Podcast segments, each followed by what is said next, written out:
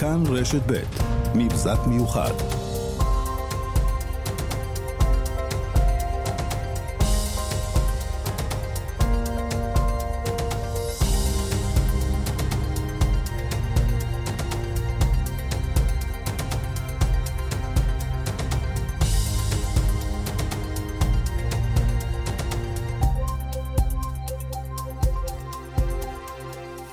שבת שלום לכם, אה, אנחנו עם עדכון מיוחד מחדר החדשות אה, של כאן רשת ב', בעקבות לילה לא שקט בדרום, באולפן לי אמרה מילת. כתבנו בדרום, איציק זוארץ, אה, מצטרף אלינו עם סיכום אירועי הלילה. שלום לך, איציק. שלום לי, כן, כמו שאמרת, לילה קשה עבור תושבי הדרום, לילה לבן עבור רבים מהתושבים שלא הצליחו לחזור לישון לאחר אירוע הירי הראשון. אנחנו מדברים על... אה, אירועים שמתרחשים בתוך ארבע שעות, ארבע רקטות שנורות לשטח ישראל, לאשקלון, גם לאזור קריית גת, ותקיפה כפולה של צה"ל.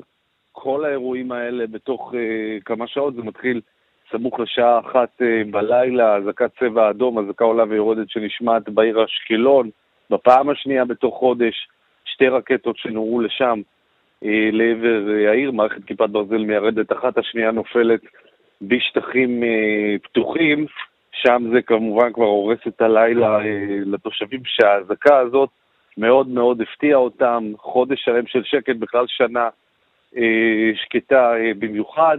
כמה שעות לאחר מכן, כאן התושבים כבר מבינים שצה"ל יגיב, והתגובה מגיעה סמוך לשעה חמש בבוקר, צה"ל תוקף תשתית תת-קרקעית אה, לאחסון חומרי גלם לייצור אה, רקטות, חומרי נפט, חומרים נוספים, זה כמובן יוצר פיצוצים אדירים שנשמעים עד אה, לשטח ישראל, וממש בזמן שצה"ל תוקף ברצועה, ארגוני הטרור משגרים עוד רקטות, אזעקה שנשמעת אה, ביישוב אחוזם, זה יישוב שנמצא ליד קריית גת, אה, מאז מבצע שומר החומות לפני שנה וחודשיים לא נשמעה אזעקה באזור הזה, ושתי רקטות שנורו לשם נופלות אה, בשטחים אה, פתוחים, גם שם התושבים לא מוכנים לירי הזה לטווח כל כך ארוך, זה ירי למעשה לטווח של 40 קילומטרים מהרצועה, וזמן קצר לאחר הירי הזה, כאמור, שמתרחש בחמש בבוקר,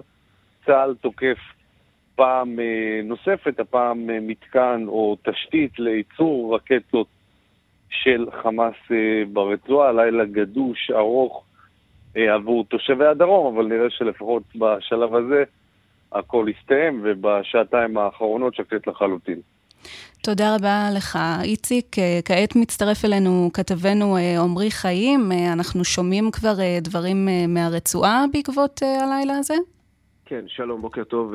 יש תגובה אה, של חמאס, דובר חמאס אומר כי הכיבוש, הוא מתכוון לישראל, אה, לא, תצ... לא יצליח בכל אמצעי הטרור והתמיכה האמריקנית אה, לשבור את רצון עמנו ואת ההתנגדות שלו, הכוונה להתנגדות לכיבוש, ההתנגדות של ארגוני הטרור. כך הוא כותב, נמשיך בהתנגדות הזאת, נמשיך במאבק עד גירוש הכיבוש מכל אדמתנו הפלסטינית, ואנחנו באמת רואים פה התייחסות לתמיכה האמריקנית שרואים בחמאס שישראל מקבלת.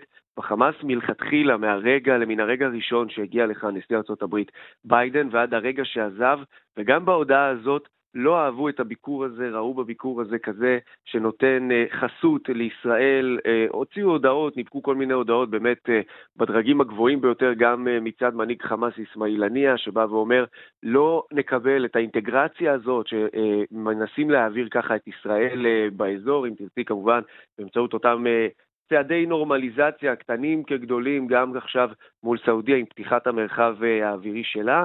נראה שבאמת אה, זה, זו מין אמירה של הפלסטינים, של חמאס, ליתר דיוק בעזה, הירי הרקטי הזה. אתם אולי נפגשתם עם ביידן ועוברים כאן אינטגרציה, עוברים שילוב רב יותר באזור, אבל אנחנו כאן, כאן להישאר ולא נקבל את המהלך הזה.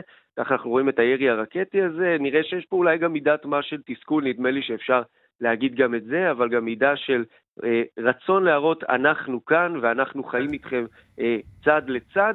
ויש גם לפתור את הסוגיה שלנו, אני מדבר ככה, זה טקסטים שאנחנו שומעים כל, כל הזמן מהצד הפלסטיני, לא אוהבים את האינטגרציה של ישראל אה, במרחב, לא אוהבים את הקבלה הזאת שהיא מקבלת מצד, מצד נשיא ארה"ב, מנהיג המעצמה אה, ככה הגדולה אה, בעולם, בעולם המערבי, ומבצעים את הירי הרקטי אה, הלילה הזה. אין איזושהי נטילת אחריות ישירה שלהם, ואנחנו יודעים שאין משהו שיוצא מעזה בלי איזושהי, לפחות העלמת עין של חמאס, אם כן, זאת התמונה לפי שעה בצד הפלסטיני, אה, לאור האירועים האלה באמת אה, במהלך הלילה האחרון. Mm-hmm. תודה רבה לך, כתבנו עמרי חיים.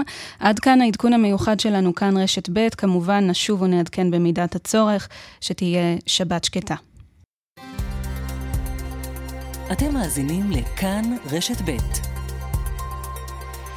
כאן רשת ב'. אנו מביאים בשידור חוזר את התוכנית שבת עולמית עם יצחק נוי, והפעם על נוטרדם. התוכנית הוקלטה באוגוסט 2019.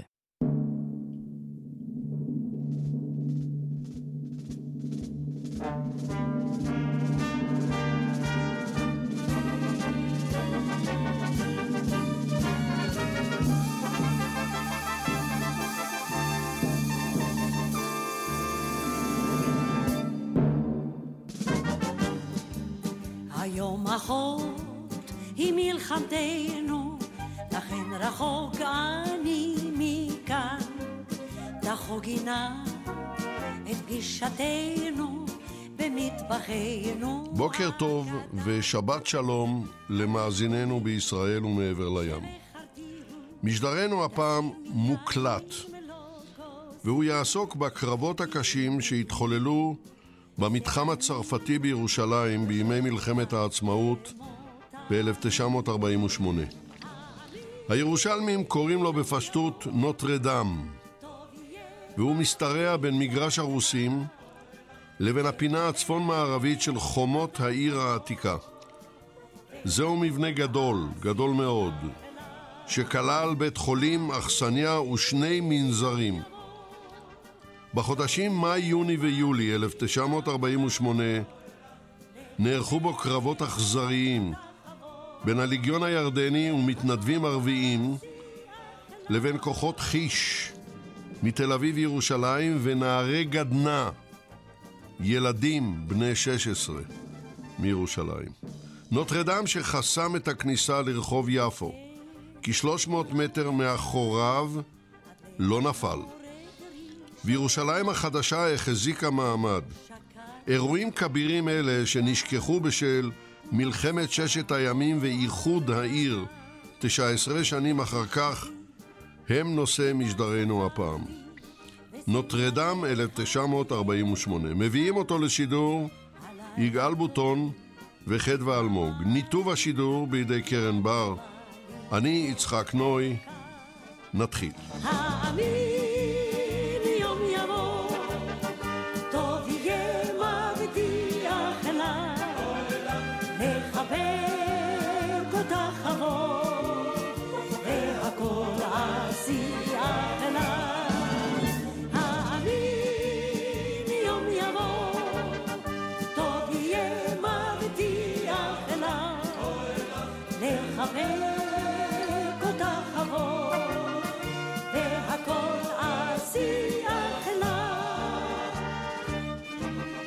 והראשון שאני אפנה אליו הוא אהוד אמיר. שלום לך, אהוד אמיר, שבת שלום. שלום, שבת שלום. אהוד אמיר הוא מחבר הספר גדנה ירושלים בתש"ח. משרד הביטחון, בהוצאת כמובן, משרד הביטחון 2003. והוא גם כותב, עורך ומתרגם. אנחנו נבקש ממך לעשות דבר מאוד אה, בסיסי פשוט. כולם זוכרים את ירושלים אחרי 67. אנחנו יורדים, חוזרים ל-1948. קרב נוטרדם בתש"ח. תאר לנו אותו בכמה דקות. בקצרה, אה, הקרב הוא מתחיל ממש ערב הכרזת אה, העצמאות אה, של בן גוריון בתל אביב. 14 במאי, כן. נכון, ב-15 במאי כוח של לח"י מנסה לכבוש את המנזר, שהוא בעצם הנקודה המזרחית ביותר באותה גזרה של מרכז ירושלים. אה, בימים שלפני כן התחולל מבצע קלישון, שבו ניסו הכוחות היהודיים של מערב ירושלים להשתלט על אזורים נרחבים אה, שיש להם אה, חשיבות אה, אסטרטגית מול הכוחות האמורים לעלות על ירושלים מיד לאחר הסתלקות הבריטים. כולל למשל בווינגרד, שהוא האזור הממשלתי ששם לימים בית המשפט העליון, כל ישראל, מה לא היה שם? תחנת המשטרה. כן, נכון. ובאזור הזה הוא היה בעצם האזור המרכזי של מבצע קלשון. צפון העיר, תחשוב על ירושלים כשלוש שיניו של קלשון, כשאתה מנסה להגיע לצפון העיר, לאזור אה, גבעה צרפתית, מרכז העיר, אזור אה, העיר העתיקה, ודרום העיר, אזור תלפיות, אה, ארנונה, ושלוש השיניים האלה, בהן ניסו כוחות ההגנה והאצ"ל והלח"י להתפרס. והיו כישלונות, היו הצלחות, ההצלחה הידועה היא במבצע היבוסי כמה שבועות קודם לכן כשקטמון נכבשה, סן סימון, וחודש הקשר עם אה, קריאת, אה, עם אה, אזורי דרום ירושלים. במרכז העיר הסכנה הקריטית הייתה שהליגיון ירד מצפון העיר, יגיע לאזור שכונת פאגי, אזור מאה שערים, וכמובן רחוב יפו, לעיר העתיקה. והרובע היהודי, שכמובן נפל בשבועיים לאחר מכן. וכוחות היישוב כולם, גם מלכי אצ"ל והגנה, שיתפו פעולה בניסיון לכבוש את שלוש הציר, שלושת הצירים או החודים של הקלשון. במנזר נוטרדם ב-15 במאי ניסה הכוח של לח"י להיכנס למנזר נוטרדם. הכוח אה, לחם באומץ אבל אה, היה קטן, היה דל בנשק. לא תמיד פעל בתיאום עם כוחות ההגנה, לפעמים הם עשו מבצעים על דעת עצמם, כמו שזכור לנו מדיר יאסין חודש קודם לכן. ומה שקרה הוא שהם נסוגו אחרי שספגו אבידות, לחמו באומץ. שלושה ימים לאחר מכן מגיע הכוח של אה, יהודה שמיר, פטרושקה, שהוא, אה, פטרושקה היה אחד ממפקדיו, בראשות יצחק אלכסנדרוני, מפקד אה, יחידת חיש תל אביב. חיש חיל שדה, יחידה שהגיעה הובא כ-250 חיילים שהגיע עוד בינואר, עוד שלושה חודשים קודם לכן, עוד בראשית המצור, עוד לפני השלג, ונשארה תקועה בירושלים בשל המצור, והשתתפה ביחיד במספר פעולות בגזרה. היחידה הזו ב-18 במאי כובשת את מנזר נוטרדם בהסתערות אה, מפתיעה שגורמת לכוחות, אה, לאבידות בקרב כוחות האויב ששולטים במנזר.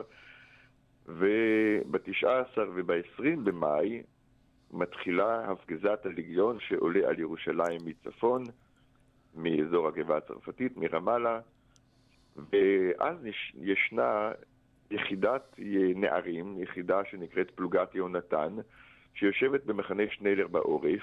כשאתה ו... אומר נערים, למי, לאיזה קבוצת גיל אתה מתכוון? בני 16 ו-17.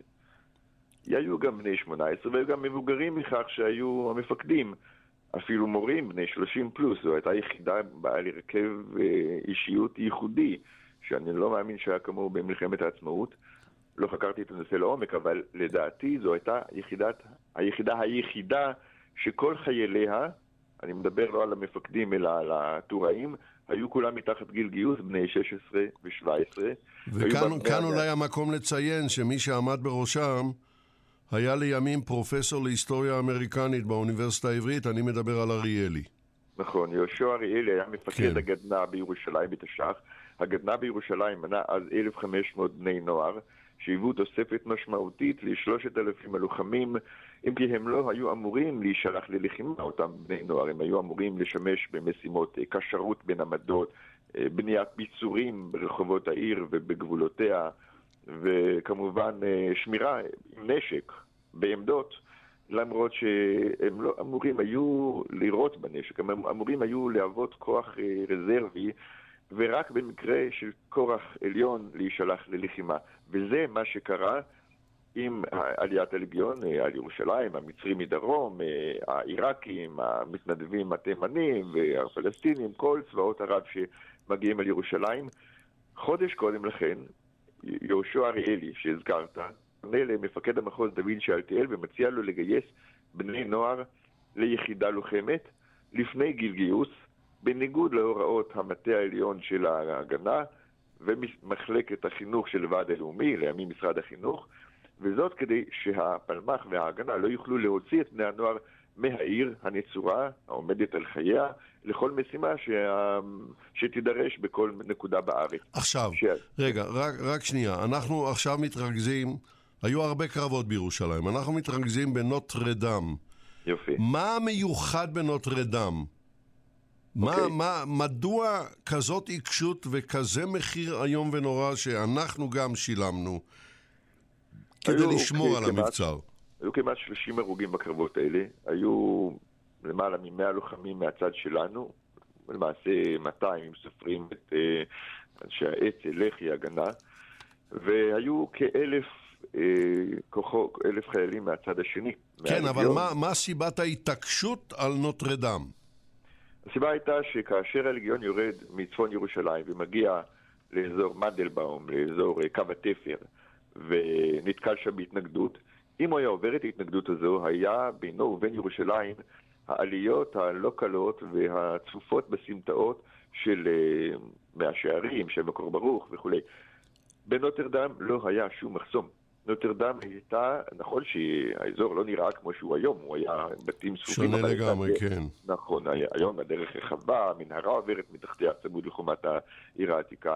אבל אז היה אכן ציר אפשרי לפלישה של הלגיון, ואחרי שהלגיון נבלם במנדלבאום, טיפה יותר צפונה ומערבה, הוא הגיע לנוטרדם, ומשם שום דבר לא היה עוצר אותו מכניסה אל ירושלים העברית. זאת אומרת, הוא היה מגיע לרחוב יפו שחוצה את ירושלים ממזרח למערב, הוא יוצא נכון. מהעיר, והוא נקרא רחוב יפו כי הוא מוליך, אז הוא הוליך ליפו.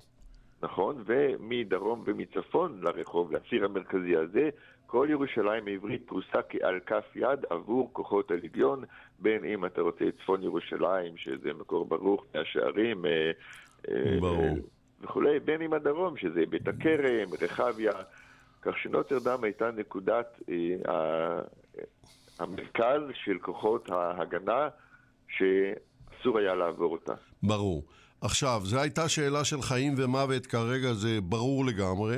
אני רוצה לעבור ברשותך, אנא יישאר איתנו על הקו, אל תרד, כן. ליהודה שמיר, לפטרושקה. שלום לך, כן. שבת שלום. שבת שלום. ביהודה שמיר היה, אה, כינויו היה פטרושקה, והוא היה אחד משני מפקדי כיתות שנכנסו לנוטרדם. הפיקוד היה בידי יצחק אלכסנדרוני. הם הגיעו מתל אביב. מה, היו, הוא פיקד על 250 איש, אבל אתם הגעתם, אתה היית אחד משני מפקדי כיתות שהגעתם לנוטרדם עצמה. מה היה שם בדיוק? אני, קוראים לי יהודה שמיר, בזמנו היה פטרושקה, התגייסתי לגדנ"ע, ההגנה, כבר בבית ספר תיכון, בגמר הלימודים שלחו אותי לקורס מ"כים, אחר כך הייתי הסליקר בבית חנן, שם התאמנו חברי ההגנה. כן. ביום 24 לינואר 48 עלה כוח תגבורת של חיש תל אביב, חילות השדה של ההגנה, לירושלים, ואני ביניהם. בן כמה, אתה, גוף... בן כמה אתה היום? אני היום מתקרב ל-93. אני יליד אוקטובר 20... תודה רבה. כן, אתה יכול להמשיך, תמשיך. התגבורת נשלחה לפי דרישת בן גוריון להצלת ירושלים. היות וההגנה בירושלים נחלשה והייתה צריכה תגבורת. הכוח שמנה כ-250 איש חולק במרחב ירושלים ש- שהייתה תחת שלטון הבריטים. התגבורת נשלחה לירושלים לאחר נפילת הל"ה בדרכם לגוש עציון. עם צאת הבריטים מהארץ ביום 14 לחמישי 48 נכנס כוח ההגנה מתל אביב למגרש הרוסים בירושלים כמובן, כבש את המתחם והניף דגל ישראל על בניין ג'נרלי. הייתי בכוח הזה.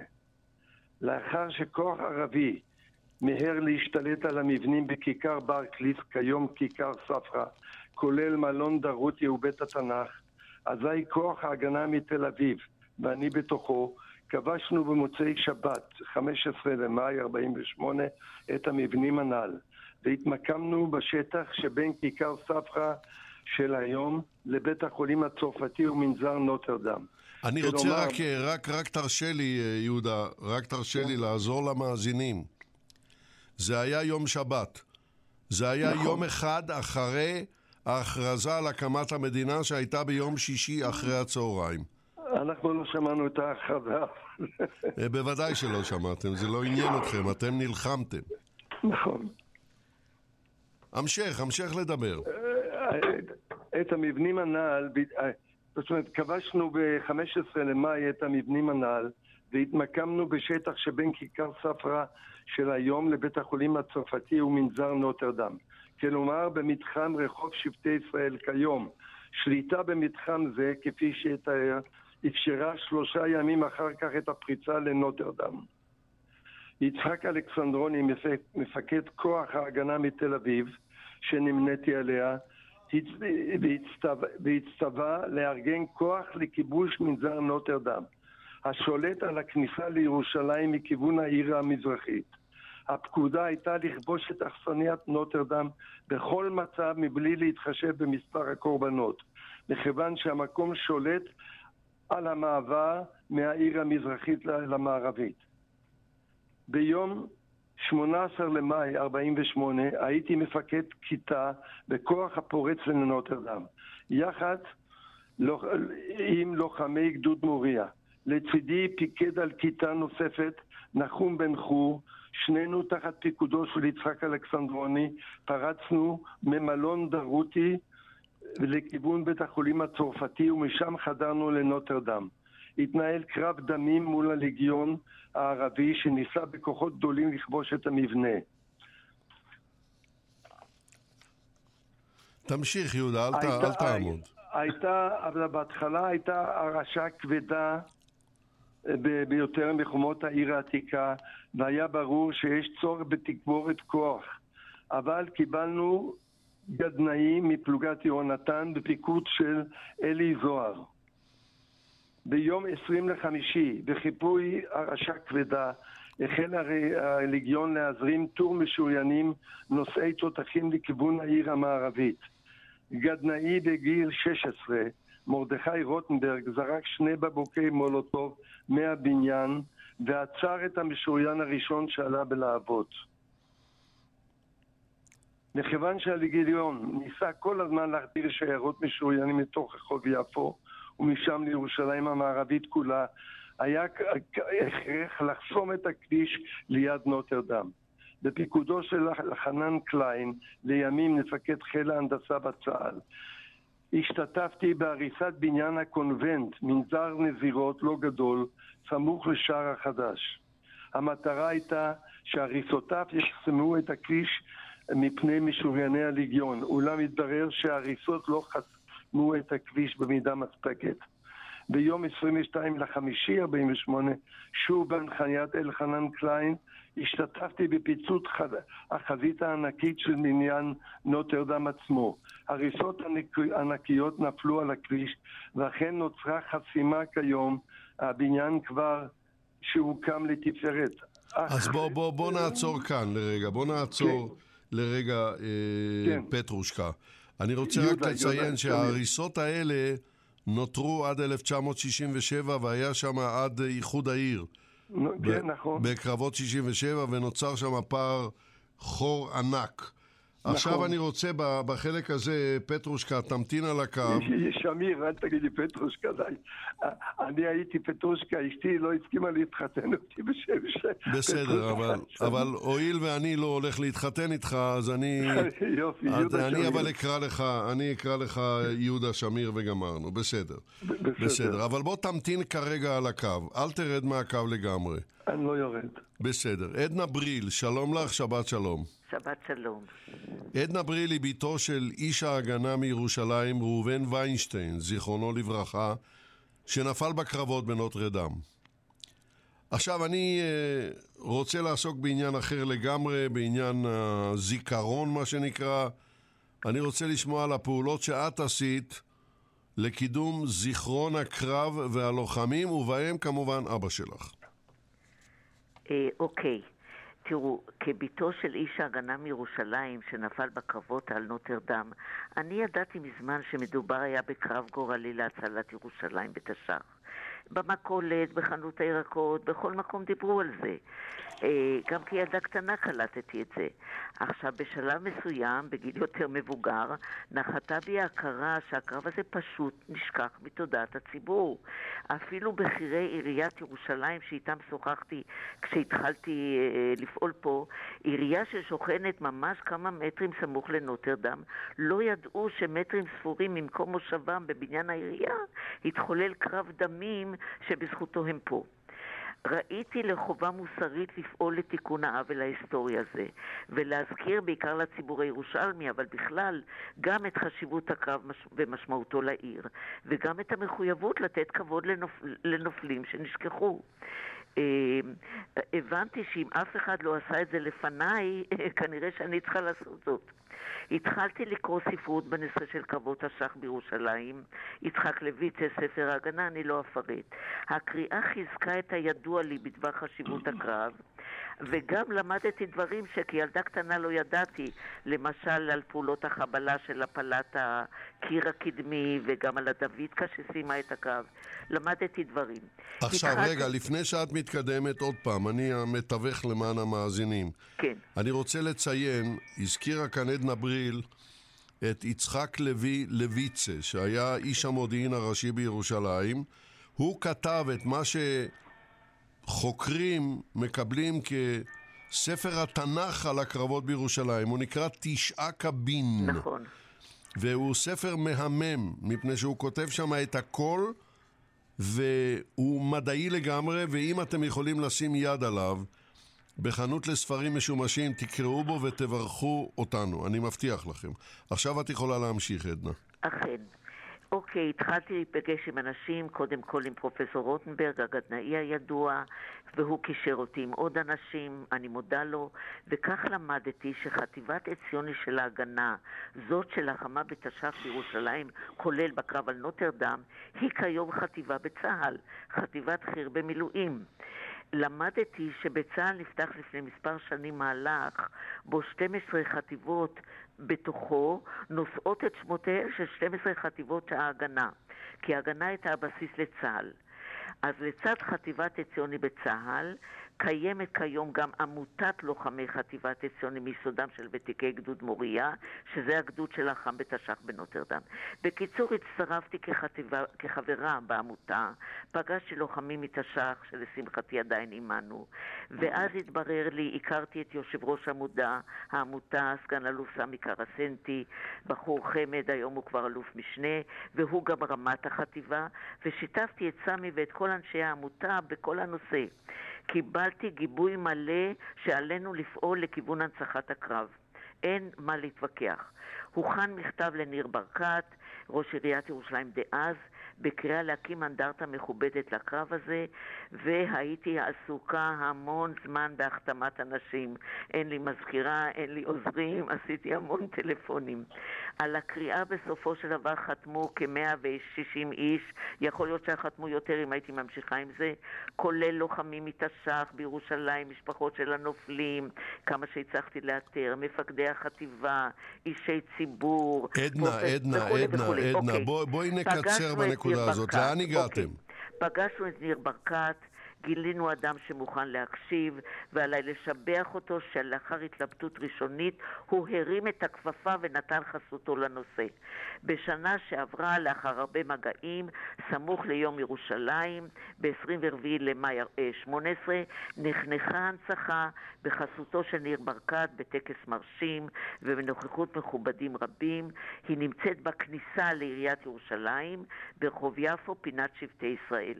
תתארי לנו את, ה... את מה שאני קורא מצבת הזיכרון, ואת אולי תקראי את זה אחרת. נכון, תודה. בואי נשמע. תראה, מלכתחילה היה ברור שלא ניתן להקים את ההנצחה במתחם אכסניית נוטרדם עצמה. בואי, בואי, עדנה, עדנה, עדנה, רגע, עדנה. בואי, רגע, בואי נקצר. להסביר. רגע, כי זה מתחם קתולי, לא מתאים. חשבנו, סמי ואני, על אנדרטה מזדקרת בכיכר צה"ל ממול. אבל זה בסופו של דבר שונה, ובעצת האדריכל הוחלט על הצבת לוחות קרמיקה שיוצמדו לקיר הכניסה הראשית לעיריית ירושלים. כיכר בפ... ספרא. אה, נכון, בפינת יפו בשבטי ישראל. זה מקום מאוד מרכזי. ההנצחה כוללת שלושה לוחות קרמיקה גדולים וצבעוניים שצמודים לקיר הזה, ולצידם לוח נוסף ובו מפת הקרבות. עכשיו, בלוח אחד יש תיאור מילולי בעברית, אנגלית וערבית של אה, משמעות הקרב וחשיבותו, איך השליטה בנוטרדם אה, חסמה את פלישת הירד... אה, הליגיון הירדני לעיר וכולי. על הלוח השני מופיעים צילומים מתש"ח מלווים, קיבלנו כמובן אישור לכך, מלווים בהסברים מילוליים בכל השפות של אירועי מפתח שאירעו בקרבות. איך שומעים את ההסברים המילוליים? לא, לא, זה עוד, uh, את המסבירן והברקודים עוד לא שמנו, הבנתי. אבל uh, זה יגיע. כרגע ההסבר המילולי הוא כתוב, יש כתיבה. אה, יש שם צילום, אה, צילום אחד הוא של בניין נוטרדם ההרוס בתום הקרבות ב-48 עם פתח ענק פעור בחזיתו, שזה תוצאה של פעולות החבלה של ההגנה. טוב, אני, אני אוקיי. מציע שנסתפק ב, אוקיי, ב, בדברים אוקיי. האלה. כרגע יישארי איתנו אני רק רוצה לומר שהלוח השלישי כולל את שמות הנופלים. אנחנו בזמן ההקמה ידענו על 23 נופלים, ברור לנו שיש עוד ונצטרך לעדכן את הלוח מדי פעם. כמה שבועות לאחר הקמת ההנצחה כבר ידענו על עוד נופל, שאז לא ידענו עליו. בסדר, בואי נסתפק בזה כרגע. אוקיי. אני רוצה לחזור אליך, אהוד אמיר. כן, שומע. אה, האם המצבות האלה משקפות נאמנה את מה שהיה שם? בקצרה ככל האפשר, מכיוון שמדובר בשלושה לוחות, שאחד מהם כדברי עדנה מכיל אה, את שמות הנופלים, והשניים האחרים מכילים גם חומר גרפי עשיר, כולל את הצלום הגדול. אה, כן, יש גם אה, כרונולוגיה מקוצרת, ומה שעדנה יכולה להגיד הוא שזה לוח זיכרון חי ונושם. כלומר, יש גם ביקורים, יש גם סיורי מורשת קרב, מדריכים שמגיעים עם קבוצות, ויכולים גם להסתמך על מראה. לשם uh, הנצחה וסיפור. סליחה, אהוד, שאני קוטעת אותך, צריך לשבח את מרכז המבקרים של העירייה, שעוסק רגע, רגע, עדנה, עדנה, עדנה. אנחנו עוסקים בתיאור הקרב, לא בחלוקת פרסים וציונים. לא, לא, לא, זה חלק מההנצחה. בואי, אה, אוקיי, בואי נתמקד בתיאור הקרב, ואהוד אמיר הוא ההיסטוריון שלנו, והוא מנסה לסכם את הקרב הזה. אני אשאל אותך בין היתר, בזמן הקרב ב-48, מה טיב האוכלוסייה בירושלים? אה, לויצה, שדיברנו עליו מקודם, שכתב את הספר תשעה קבין, אין לו דעה מי יודע מה טובה על אוכלוסיית ירושלים, בינינו לבין אה, עצמנו. אפשר לאזן את זה באמירה של לויצה עצמו, כאשר הוא מדבר על הקרב של 24 במאי, הקרב המכריע שסיים את ניסיונות העלייה של הליגיון, מתאר כיצד יצחק רבין, מפקד אה, חטיבת הראל שנמצא בירושלים, מגיע לנוטרדם יחד עם ראשי הפיקוד של המחוז ואומר, הפלמ"ח שלי לא יכול היה לעמוד בירושלים, נכון. בנוטרדם, כמו שעומדים הירושלמים האלה. כשהוא, רגע, כשהוא מדבר על הירושלמים האלה הוא מתכוון גם לנערי הגדנ"ע. נכון. אוקיי, אנחנו מיד נגיע לאחד הנערים האלה, אבל עכשיו אני רוצה, לפני שנשחרר אותך, יהודה שמיר, כן. אני רוצה לשמוע את התגובה שלך לדברים האלה. אני רוצה לדעת אם היית שם בכיכר ספרא וראית את שלושה הלוחות שעדנה בריל תיארה לנו. אני, אני הייתי במקום, והיה לי את הכבוד להיות עם ראש עיריית ירושלים ולהסיר את הלוט. אז בתור לוחם שהיה שם, אז אני הורדתי את ה... אה, מעל האנדרטה את ה... אה, את ה... את אה, הבד שהכיסה אותו. ברור, ברור, אבל בוא נעזוב כרגע את הבד. אני, שאלה שלי אליך, יהודה שמיר. כן. האם הלוחות האלה בכיכר ספרא, לדעתך, משקפות את מה שהיה שם ב-1948 כשאתה היית מפקד כיתה? אני, זה, זה משקף מאוד. אני, בחגים, אני ראיתי בטלוויזיה שהיו סיורים במקום, עמדו מאות אנשים והסתכלו על המקום הזה. זה בדיוק בכניסה, זה לכיכר ספרא. וזה זה, זה, זה, זה תענוג להסתכל על זה. נותנת, אתה רואה את הפיצוץ של החזית של, של נוטרדם. בצילום, בצילום. בצילומים, ודאי, כן. זה, זה יפה מאוד. כן, אני נותן, מבין. זה משקף בצורה רצינית את מה שקרה שם. טוב, אז אנחנו עכשיו, אה, יהודה שמיר, אנחנו ניפרד ממך. לא, רגע, אני רוצה להגיד לך משהו. תגיד. בסדר, אני רוצה, מה שהיה, זה, זה לא הלך לטייל. אתה, אתה עצרת אותי שאנחנו הרסנו את החזית, כן? כן. כן. מכיוון שהכביש, אנחנו, אה, אנחנו פצצנו את החזית של נוטרדם, ואני גם דיברתי על זה שילד בן 16 זרק משם אה, בקבוקי מולוטוב. כן, הילד הזה עוד מעט יעיד אצלנו כאן. אבל מכיוון שהכביש נחסם, חדרו רגלית ביום 24 לחמישי 48 כ-200 ליגיונרים לתוך חצר נוטרדם, וכן החלו לחדור לבניין עצמו.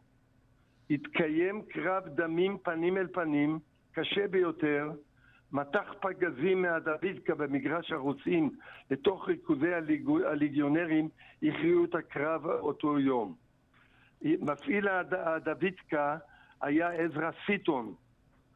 גלפחה, מפקד הליגיון, הכריז אותו יום על נסיגתו. בספר זיכרונותו ואחר כך כתב ספר שמפלה זו הייתה עבורו הקשה ביותר בכל קרבות מלחמת השחרור. יש לציין שהפגזות שגבו קורבנות רב, רבים על הבניין המשיכו עד סוף יולי 1948. קרב זה היה בבחינת המצדה של ירושלים. בלעדיו לא הייתה לנו את ירושלים. כן, אלה דברים. מאוד חשובים, יהודה. נו כן, והיה לי את הזכות, יש לי כאן צמרמורת שאני נזכר, אני זוכר שעדנה באה אליי ושאלה שאלות וכל הדברים האלו. ברור, זה קשה, ברור. זה קשה לתאר. בוודאי, בוודאי. אז יהודה, אנחנו, אנחנו ניפרד ממך עכשיו. יהודה, תודה רבה לך, ואנחנו נהיה כן. בקשר. תודה רבה. אני רוצה בינתיים לחזור אליך, אהוד אמיר. כן, אני שומע. ולשאול אותך, אנחנו כן, הרבה מאוד חומר כבר אה, עברנו. אביה של עדנה נהרג ביולי. לא, לא. לא, רגע. ב-24 לא, לא. במאי. כן, זו הייתה טעות שלי. הוא לחם ונפצע ב-24 למאי ונפטר למחרת. בוא נתחיל עם זה מההתחלה. אני מבין, אני מבין. זו הייתה טעות שלי. אוקיי, אבל הקרבות נמשכו עד יולי. נכון, נכון. מתי הקרבות נפסקים? הקרבות uh, בעצם נמשכים בעצימות נמוכה אחרי 24 במאי עד uh, ההפוגה הראשונה בתחילת יוני, במהלך ההפוגה הראשונה עד יולי. בקרבות עשרת הימים יש צליפות, יש ניסיונות רגליים להגיע, ורק בהפוגה השנייה, uh, בסוף אוגוסט, אחרי קרבות שהתחוללו לא בגזרה הזאת, אפשר להגיד שהזירה רגעה, למרות שצליפות נמשכו לאורך השנים, וכמו שאנחנו יודעים, שטח ההפקר עד... אה, הקו העירוני, כן. הקו העירוני, מ-48 ועד 67, 19 שנה, לא היה קו שקט. לא היה קו שקט, וכל פעם היו תירוצים, ליגיונר השתגע, כן, אנחנו מכירים את זה. עכשיו, אה, אנשי הצוות, אה, יגאל בוטון, כבר הצליח לאתר את פרופסור מרדכי רוטנברג. פרופסור רוטנברג. כן. בוקר טוב לך, שבת שלום. טוב. שבת שלום. אה, זה לא שבת שלום, אה, אבל... אה, אנחנו בהקלטה, פרופסור בהקלטה, רוטנברג. כן. כן. והשידור ישודר בשבת. כן. נו, אז שבת שלום. טוב, נו. פרופסור רוטנברג הוא הנער הבלונדיני. כן, הוא נכון. הגדנאי שזרק בקבוק מולוטוב. תן לי רק לה, לה, לה, להציג אותך למאזינים. בבקשה. פרופסור, פרופסור רוטנברג הוא פרופסור אמריטוס מהאוניברסיטה העברית בירושלים. אה, כן, ו... חתן פרס ישראל. אבל תן לי להציג, אתה לא נותן לי לדבר. אה, סליחה. אתה לא נותן לי לדבר, הוא חתן פרס ישראל. והוא uh, גם כתב ספרים. התחום שלו היא עבודה סוציאלית. כן. הוא uh, כתב למשל, הוא כתב למשל את השטיבל והסטארט-אפ בהוצאת ידיעות אחרונות. זה יצא כן. לאור בשנה שעברה. הוא כתב למשל את החיים כמסע תנכי, גם כן בהוצאת ידיעות כן. אחרונות. כן. היית אז ילד בן 16. בדיוק. כן. איך זה קרה כל הסיפור? אני הייתי בין מילידי 32 הצוציקים שהכינו אותם כמו את כל הגדנאים לקרבות, למה שיש, אבל בזמן המאורעות שהתחילו, בזמן המצור החלה, אנחנו אה, נועדנו לעשות ביצורים בעיקר ולהדביק כרוזים. אמ, אני כדי אה, למלא את החלל של הליצן, תמיד הייתי גם כל ישראל, השתתפתי הרבה תמיד בתוכניות שנים. אהבתי להיות, אה, לעשות מעשה קונדס. פעם הדבקתי קרוז על, של ההגנה על הצד האחורי של משוריין בריטי כדי לקבל טפיחות על השכם. ו... אז uh, כל יום היינו נשלחים למקום אחר, אני הייתי בכל החזיתות, מאבו הר ציון, דיר יאסין, שם ניסינו לסלול את השדה תעופה הזה עד שמנבי סמואל ירו עלינו כל כך הרבה שהיה צריך להפסיק. Um, הייתי אפילו בכביש בומה. אבל בוא, אמ, בוא נתמקד עכשיו, פרופסור לא, לא רוטנברג, בוא כן. נתמקד בנוטרדם. כן, אז ביום הפלישה לנוטרדם, שאני לא, לא ידעתי, לא החזקתי שום לוח של תאריכים, תמיד היינו, היו באים ל, לעמק המצלבה, שם היינו מתאספים, ובאו והגידו מי מוכן להתנדב ללכת אה, לבנות את העמדה הקדמית בעיקר אה, בנוטרדם, ואני ישר אה, אוהב האקשן, התנדבתי. והלכנו ברגל, התקדמנו עד שהגענו לפוסטה, למשרד הדואר שם, בנק אנגלו-פלסטינה. כן, זה מרחק של עשרות מטרים משם, כן. כן, ושם יש, זה היה איזה גן, גן של העירייה שעד היום קיים, והיינו צריכים לעבור את זה בקפיצות קרב, וכבר נוכחנו לדעת שהירדנים משתוללים, יערו כמו מטורפים. והגענו לשערים האחוריים של נוטרדם. אני לא ידעתי מה התוכניות או מה צריך לעשות, כשנכנסנו בפנים, אז כנראה זה היה אמ, לוחם מגדוד מוריה שהתנדב, אה, שהם כולם הגיעו אה, לירושלים במהירות כדי לכבוש את אה, נוטרדם. מיד חיפש מישהו ש... שמוכן לקחת על עצמו לסחוב איזה מלבן שצידו האחד זה, זה היה פלדה וצידו השני עץ אה, כדי להביא אותו אה, דרך אה, כל מיני הריסות, ממש דרך ארוכה בחושך לעמדה הקדמית. אני התנדבתי ולא ידעתי מה, מה המטרה, מה זה. אמרו שצריך למלא שקים. אז אה, למזלי, אני זיהיתי שבחצר האחורית הביאו חול תחוח לחידוש הגינה של, אה, של אה, נוטרדם. אמרתי, יאללה, תמלאו פה מהר שקי חול מהאדמה התכוחה ותעבירו לי בשרשרת כדי שאני אוכל לבנות. אני הייתי די מנוסה כבר בדברים האלה. וכשהתקדמתי ככה הוא אמר לי, תשמע ילד, אל תיבהל, יש, יש גופות בפרוזדורים שלא, אנחנו רק, רק עכשיו נכנסנו ופיזרנו את, ה, את החיילים אה, בחדרים. תגיד לי, אבל כדי... פרופסור רוטנברג, אתה כן. ילד בן 16, כן. ואתה בפעם הראשונה בחייך נתקל בגופות של אנשים, מה התגובה שלך? מה זה, אני כמו בסרטים של היצקוק, אני, אני, אני חייתי בסרט כל הזמן. חשבתי, עוד טוט טוט מישהו חצי מת יתפוס לי את הרגל ואני אצרח אבל זה לא קרה.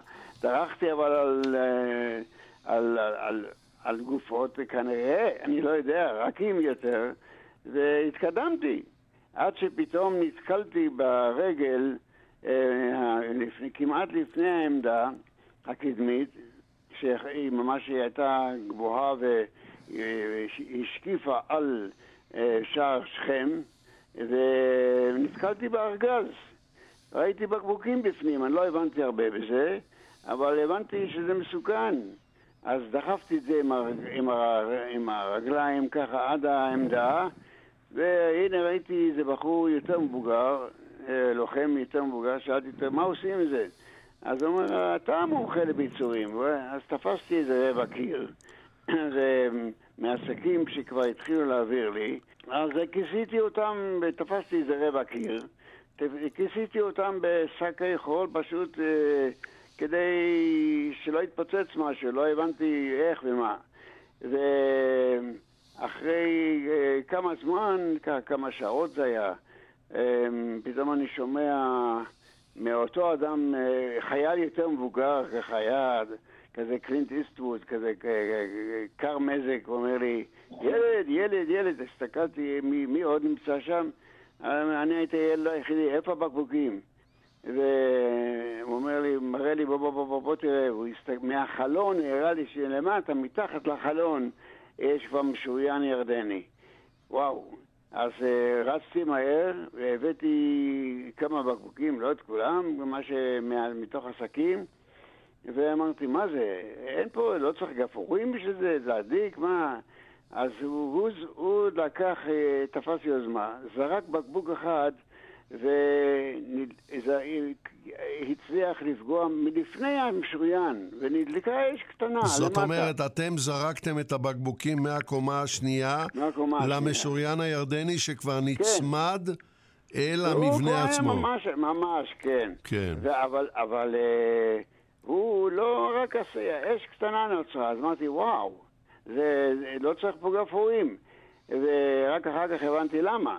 אז לקחתי בקבוק אחד, ובהתלהבות גדולה זרקתי על המשוריין, ואש אדירה פרצה משם, ואני נורא נבהלתי.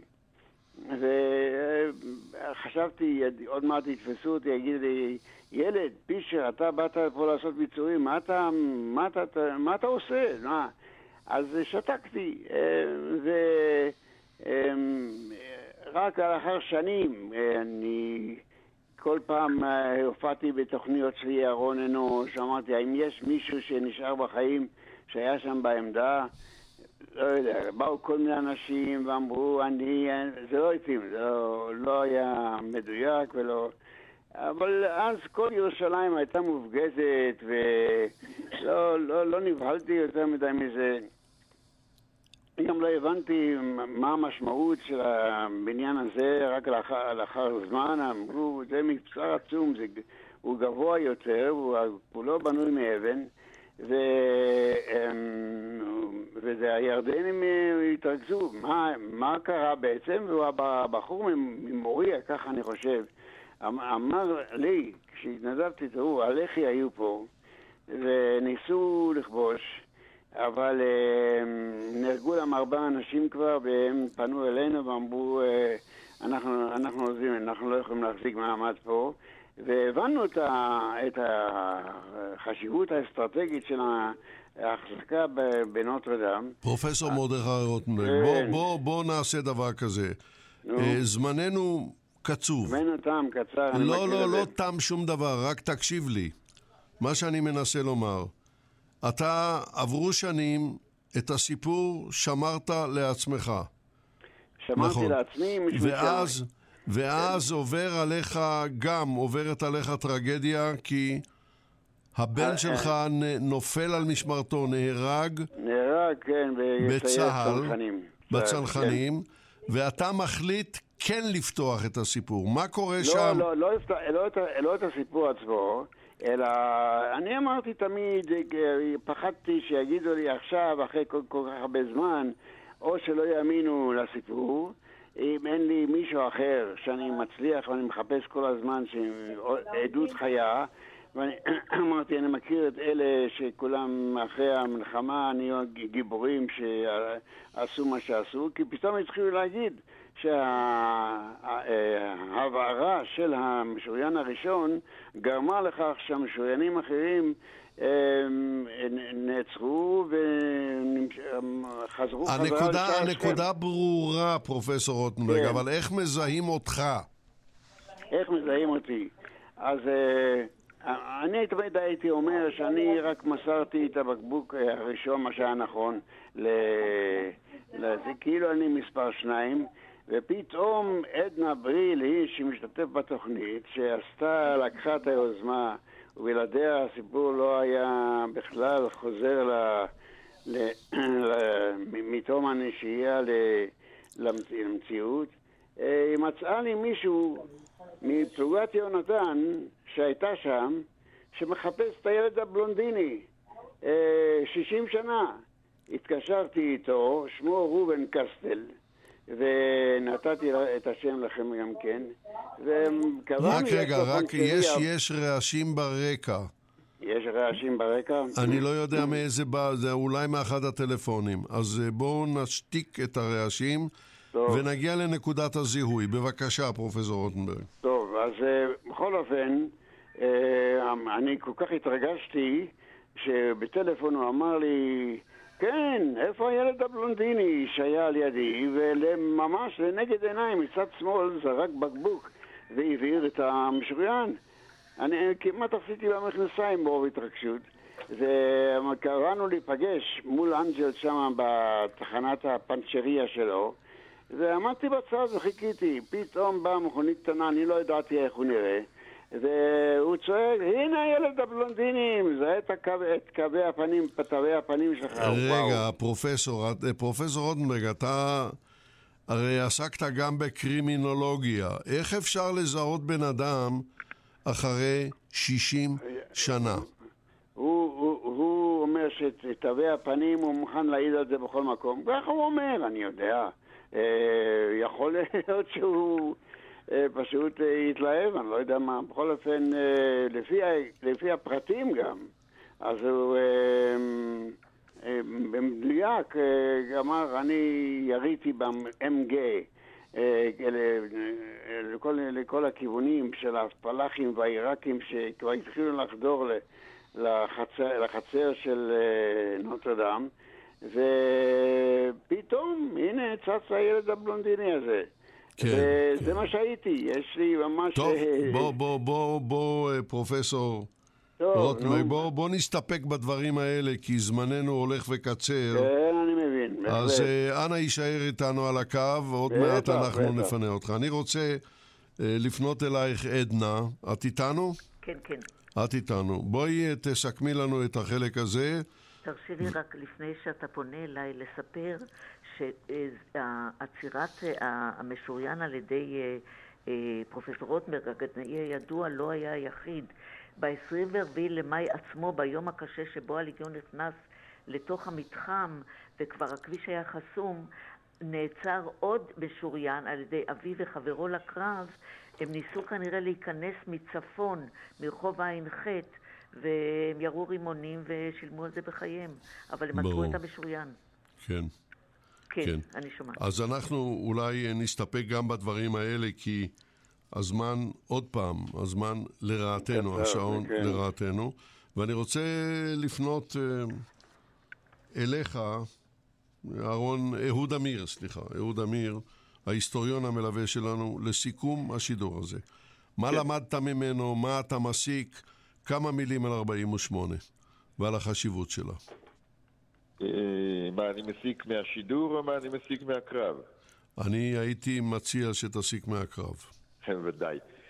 תראה, הקרב הזה באמת היה קרב אפי. אם אתה מדבר על אה, שלושה, אה, על קרב, קרבות ירושלים בהכללה, הם היו בעיקר קרבות השתלטות על שטח, קרבות של ניסיון ליצור רצף טריטוריאלי בין חלקי העיר, כאשר מי שמסתכל במפת ירושלים ב-48 באפריל רואה שכונה יהודית, שכונה ערבית, שכונה יהודית, שכונה ערבית, רואים את ליפתא ואת רוממה, רואים את דיר יאסין ואת גבעת שאול, רואים את בית הכרם, את שייח' באדר, שהיום זה גבעת רם, שבינואר נחושה. וכל הקרבות עד אותה נקודה היו קרבות של יצירת רצף טריטוריאלי בכל חלקי העיר. הקרב כן. הזה היה הקרב שבו כל ההישגים של הקרבות שלפני כן היו יכולים אה, פשוט אה, לרדת לטמיון. כיוון שהליגיון יכול היה להגיע... להיכנס לרחוב יפו, כן. ומשם להמשיך אל כל אותם אה, אזורים, כשכוחות צה"ל שהיו עומדים מולו היו מאוד מעטים, מעט כוחות בשנלר, מעט כוחות בדרום העיר שלו היו מצליחים להגיע, כיוון שהמצרים היו ברמת רחל, צריך לזכור, באותם ימים ממש. ברור. טוב, אהוד אמיר, אנחנו... אם אה, מותר לי רק, רק הדבר אחד. אין לנו זמן יותר, פרופסור רוטנברג, אין לנו זמן, זמננו תם, צר לי. אני פצוע מאז, אני בכיסא גלגלים. כן, כן.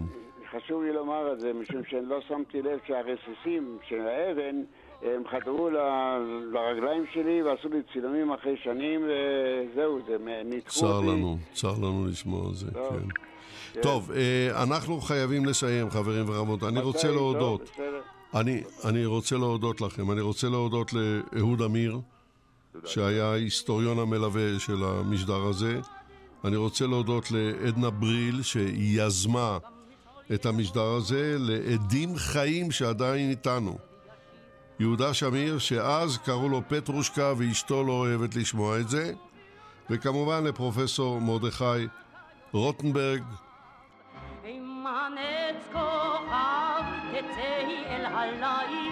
מרחבים מדבר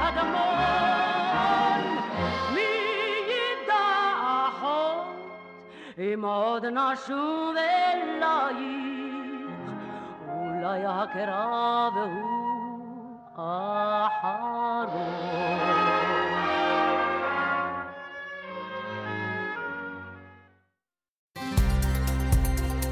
אתם מאזינים לכאן רשת ב'. כאן רשת השבוע אנו מציינים 88 שנים למותו של המשורר חיים נחמן ביאליק. נביא לכם בשידור חוזר את התוכנית שבת עולמית עם יצחק נוי, שנערכה לזכרו של ביאליק בנובמבר 2021.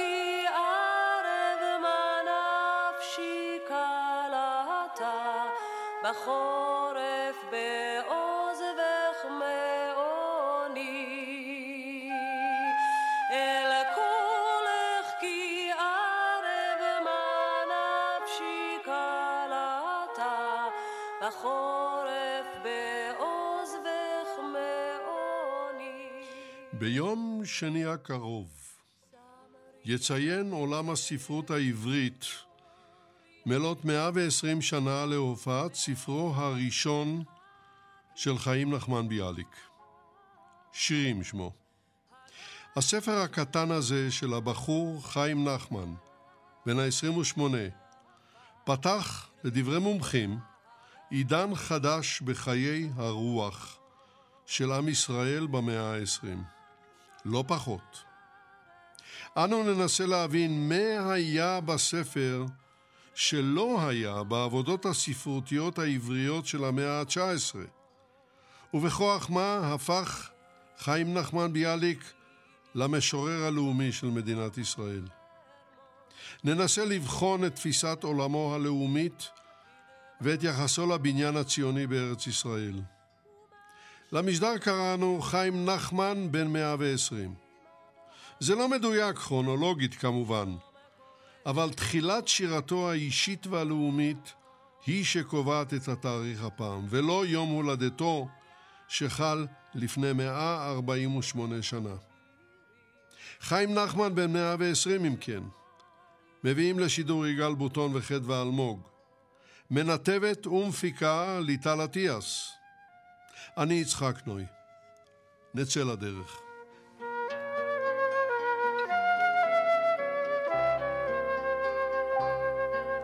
כבר כלו הדמעות, כבר כלו הקיצים, ולא הקיץ הקץ על יגוני.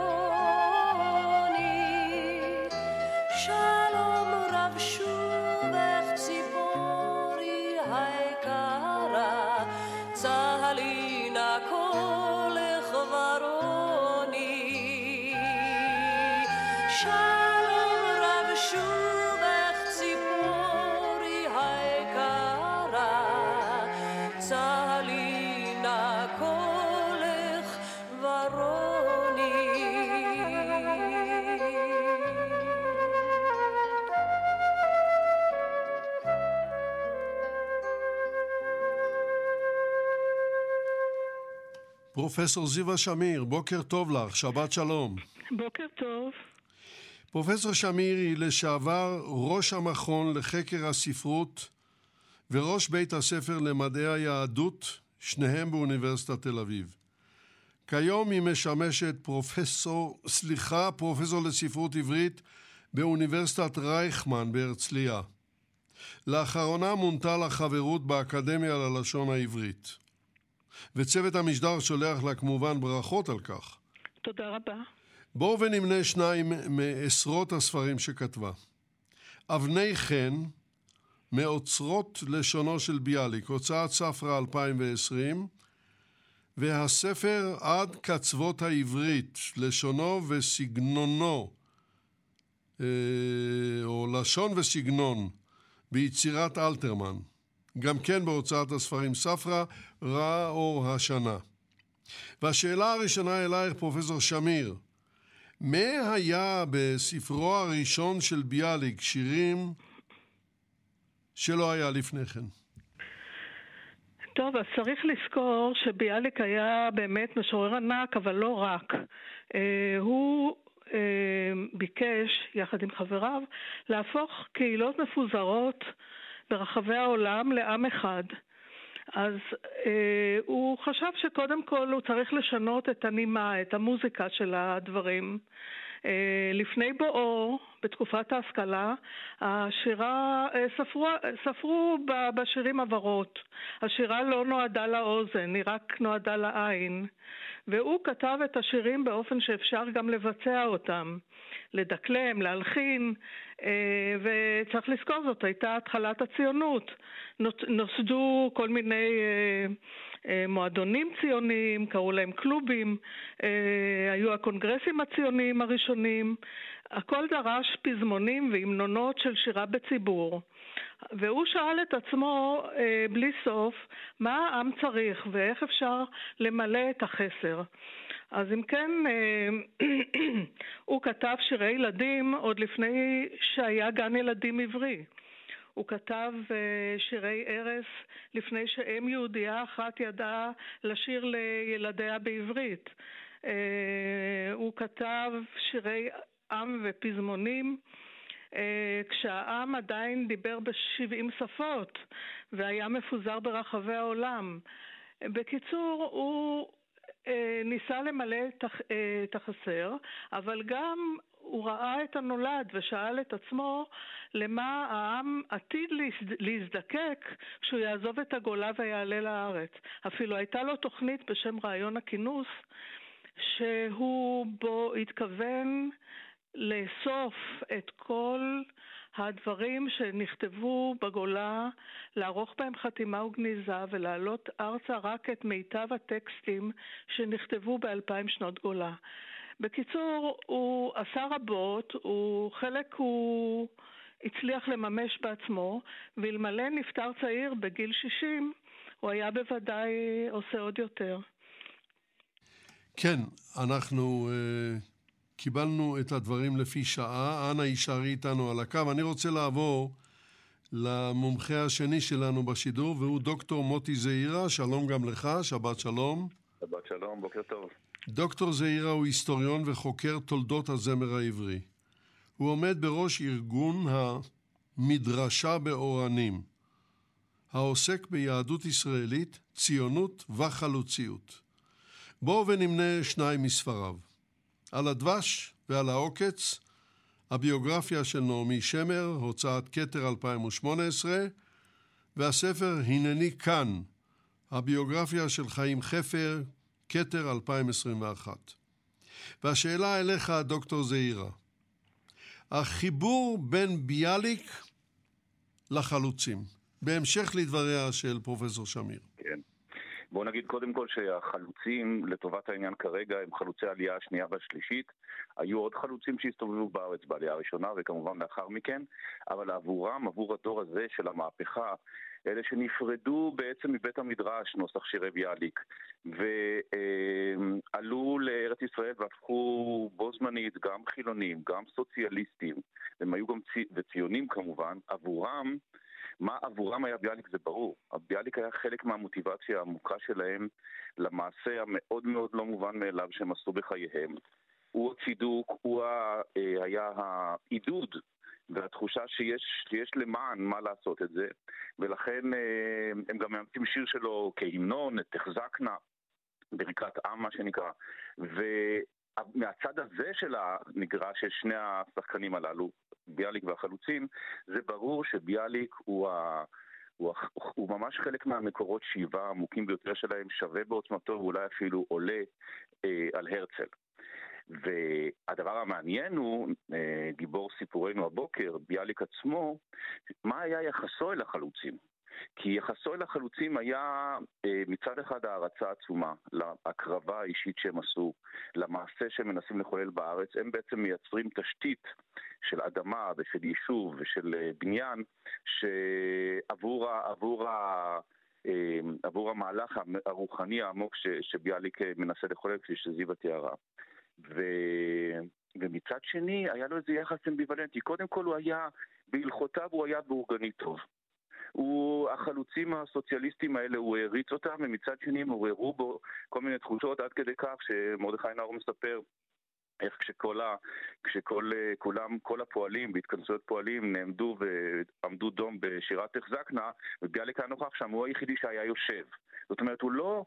הוא לא הרגיש אה, מזדהה עד הסוף עם המהלך החלוצי, ובמיוחד לא עם התפיסות המהפכניות האלה שגם נגדו את, אה, אני חושב, את, את אישיותו, את אופיו, והיחס הדו-ערכי הזה הביא לסדרה של אה, אירועים אה, מאוד אה, מעניינים. אז ו... אני, אני מציע, דוקטור זעירה, בוא לא נתקדם בנושא הזה, כי יש לנו עוד אה, שעה, ואני רוצה לפי סדר להגיע גם אל... תפיסת ביאליק את המהפכה החלוצית ולפתח יותר את הנושא. אז בוא יישאר גם אתה איתנו על הקו, אני רוצה לעבור למומחה השלישי שלנו, והוא רוני סומק. שלום גם לך. בוקר טוב. בוקר טוב, שבת שלום. הרשה לי להציג אותך למאזינים, רוני סומק, משורר ומורה. בואו ונמנה מספריו את הטרילוגיה גן עדן לאורז, 1996, נקמת הילד המגמגם, 2017, וכל כך הרבה אלוהים, 2020, כולם ממבחר שיריו של סומק, יצאו לאור בהוצאת זמורה. ונזכיר גם את התערוכה, חוואג'ה ביאליק, שהייתה במוזיאון רמת גן בשנת 2004. אני שומע ברקע את צחוקה של פרופסור שמיר. התערוכה כללה עשרה רישומים שצייר רוני סומק ושיר שכתב בעקבות תשעה שירים של ביאליק. עכשיו, השאלה הראשונה אליך, רוני סומק, ההיכרות הראשונה שלך עם ביאליק. אמ, ביאליק היה אה, בעצם, הספר של ביאליק היה ספר הילדים הראשון, הספר הראשון שקראתי בחיים שלי. אני זוכר את אותה שבת שדודי יעקב לוקח אותי לטייל בכיכר סטרומה שבחולון. הכיכר הייתה במרחק הליכה מהמעברה, אה, והיא הצטיירה בעיניי ככיכר חלומות. היה בה בית קפה, והייתה חנות צילום, בית כנסת, והייתה גם חנות ספרים. אה, אותו דוד, דוד יעקב, ראה שהעיניים שלי מתעכבות על ספר מסוים שהונח בקדמת חלון הראווה. על כריכתו צוירו שני הרים, על אחד מהם ישב ילד ולידו דגל, על ההר השני עמד ינשוף, בין ההרים עבר נהר בו פערו דגים את פיהם. השמיים היו צבעים בכחול ושמש כפולה חייכה חיוך צהוב. אה, אני התמגנטתי, ועברו כמה ימים ודוד יעקב חזר עם שקית ובתוכה היה הספר הזה. ואני כמובן מדבר על שירים ופזמונות לילדים, חיים נחמן ביאליק מצוירים בידי נחום גוטמן. מה למדתי שם? קודם כל בעמוד כ"ד היה השיר המדהים, מן החלון פרח הציץ, כל היום הגנה יציץ, כל חבריו שם בגן, הוא לבדו עומד כאן. אה, ועוד ועוד ועוד שירים שמתוכם למדתי רק שנים, אחרי שנים, שבעצם כבר אז למדתי להעיר את המילה בדידות. אה, ופרופסור זיווה שמיר, שהייתה מורה נהדרת שלי באוניברסיטה, היא בעצם אה, פתחה לי אחר כך את הדלת להכיר ביאליק אחר, כיוון שלצערי הרב מערכת החינוך, לפחות זו שהייתי בה, אה, ברובה דאגה להפוך את ביאליק למשהו מיושן, אנכרוניסטי, ואני כל הזמן חסתי בחוויית הילדות שלי, וכשהגעתי לאוניברסיטה וישבתי בשיעורים של פרופסור זיווה שמיר וראיתי איך אתה יכול לקחת את אותו ביאליק ולהחזיר אותו לחוויה. כי היא למשל הראתה שהשיר הזה, מן החלון פרח הציץ, הוא בעצם הבקרוב של מה שביאליק יכתוב אחר כך בשיר לבדי. אבל אני רוצה להגיד שמרגע שקראתי את הספר הפכתי להיות חייל אה, בצבאו של חיים נחמן ביאליק, וברגע שישבתי אה, בשיעורים אה, באוניברסיטה, הרגשתי שעליתי בדרגה מחייל, נגיד לרב סמל, כיוון שביאליק מלווה אותי, וביאליק הוא חלק מה... נגיד, מאבות המזון שלי, ואני מנסה כל פעם שנכנס לכיתה, ולא משנה באיזה מסגרת, להגיד להם שינערו את הספר הזה ויפתחו אותו וידעו, כמו שאמרו קודמיי, שכאן התחילה המהפכה. ומה שצריכים לעשות לאדם שהתחיל מהפכה זה פשוט לעמוד ולמחוא לו כף. וזה מה שאנחנו עושים גם הבוקר.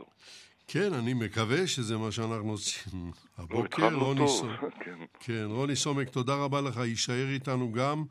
אל תלך ל, ל, לשום מקום, כמו שאומרים. אני חוזר אלייך, פרופסור זיווה שמיר. אה, אני רוצה הבהרה אה, לגבי מה שהזכרת בתחילת הדברים, שירי רגש לעומת שירים שכלתניים שהם, נאמר, יותר אופייניים למאה ה-19 בשירה העברית. נכון מאוד. אה, ספרות ההשכלה בהגדרה, קראו לה ספרות ההשכלה, היא הייתה ספרות רציונליסטית שפנתה קודם כל אל השכל ואל ההיגיון ולא אל הרגש. הסגנון, הסגנון שלה היה כמו קלאסי, מדוד וסימטרי וסדור, ואחר כך הייתה תקופה קצרה בין תקופת ההשכלה לביאליק. אה, היו בה כמה משוררים מינוריים, ביניהם נפתלי ארץ אה, אימבר שחיבר את אה, התקווה, משוררי חיבת ציון קראו להם. ואצלם הרגש עלה על גדותיו, זה היה סנטימנט, סנטימנטליזם אה, גולש, פרץ רגשות, דמעות והנחות. וביאליק נתן בשירים שלו רגש, לא איזו סנטימנטליות משתפכת של ים של דמעות והר געש של רגשות. הוא כתב אה, ברגש אה, מאופק ביחד עם רעיונות לאומיים מעמיקים שייצגו את הציונות מבית מדרשו של אחד העם. אה, הייתי אומרת אה, שכבר כשהוא היה הלם, צעיר, הוא הרשה לעצמו לכתוב שירי תוכחה, כמו אכן חציר העם, שבהם האשים את העם על שהוא ערל לב ואוזן. ואני מסכימה עם, עם אה, דוקטור אה, זעירה שאמר שהוא היה אמביוולנטי, אבל הייתי קצת, קצת אה, אה, ממתנת את הדברים. הוא לא, לא היה לו יחס אה, שלילי כלשהו לרעיון הציוני. הוא אפילו אמר בהזדמנות אחת שאילו היה צעיר הוא היה מצטרף אל הציונים, אל, אל החלוצים, אלא שהוא, היה לו יחס מאוד שולל לקומוניזם, וזה היה, זה התבטא אולי, חלחל לתוך מה ש... מה שהוא אמר בנאומים שונים על העבודה החלוצית שנעשית בארץ. כן, הדברים האלה חשובים. מה שמחייב אותי לחזור אליך, דוקטור זעירה. אתה כן. עצמך אמרת שכשהחלוצים היו קמים על רגליהם, כששרו את תחזקנה ידינו, ביאליק ישב, במחאה הוא ישב.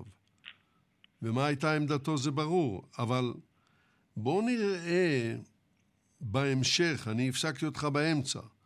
איך הוא בדיוק תפס את המהפכה החלוצית, ומילה או שתיים על הקרעים, אם היו כאלה, בינו לבין החלוצים. אני חושב שמה שיכול אה, לאייר את זה בצורה אה, נהדרת זה לתאר שנייה את הביקור הראשון של ביאליק בארץ. ב-1909 הוא נוחת כאן, עיצומה של העלייה השנייה. חלוצים כבר מסתובבים כאן אה, יחפים לאורכה ולרוחבה של הארץ, כמו שכתב סובול. וביאליק מגיע, הוא כבר המשורר הלאומי, הוא כבר אחרי חלק ניכר משירתו, והוא נישא על כפיים, והוא מגיע לתל אביב, שממש בשנייה הזאת היא הוקמה. ועושים לכבודו, אה, אגודת הסופרים, עושים לכבודו ארוחת ערב, מין קבלת פנים כזאת. ו... אה, ממש מתארים איך הוא... בוחר, ארוחת ערב עם, עם תפריט, ששם כתוב, השמות של התפריט זה, ה, זה שמות של שירים של ביאליק, לכן הבריכה זה מרק, ואל הציפור זה מנת העוף, ועוד כאלה, וחסה זה אכן חציר העם, אלוהים ישמור. כמו ששלמה שווק כתב פעם, זה המקרה הראשון והיחיד בהיסטוריה שבו משורר, משורר אכל באופן פיזי את שיריו. ואחרי זה הוא יצא לכל רחבי ארץ ישראל החלוצית, סיבוב בין הנקודות החדשות והמושבות, ובכל מקום עשו לכבודו פנטזיה כזאת עם יריות של, כמו, כמו שהם ראו מחבריהם הבדואים.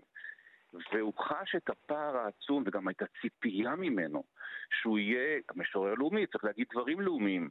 אה, בסוף הוא קורא להם, אה, אחרי הרבה מאוד לחץ, לפני שהוא עוזב את הארץ, הוא קורא להם אה, מתוך, שירו, מתוך ספרו, מתוך סיפור קצר שלו, חדש, על מרינקה ומאחורי הגדר, משהו בכלל מהוויית הגולה, זה היה איזה חוסר תואם בין המקום ה... ציוני שהוא חש, אני כמובן מצטרף אל, אל, אל זיווה בעניין הזה, ולבין זה שציפו ממנו להיות לספק את הסחורה, בוא נגיד ככה. ו, ומשורר לא יכול לספק את הסחורה, יכול רק להקשיב לעצמו ולהוציא משם את החיבור בין, בין האישי לבין הלאומי. אז אני חושב שהיכולת שלו בכלל לחוש את המעשה החלוצי, כלומר, הוא נוסע לנהלל, הוא נוסע לדגניה, הוא, הוא מסתובב במושבות החקלאיות, זה ממלא את נפשו.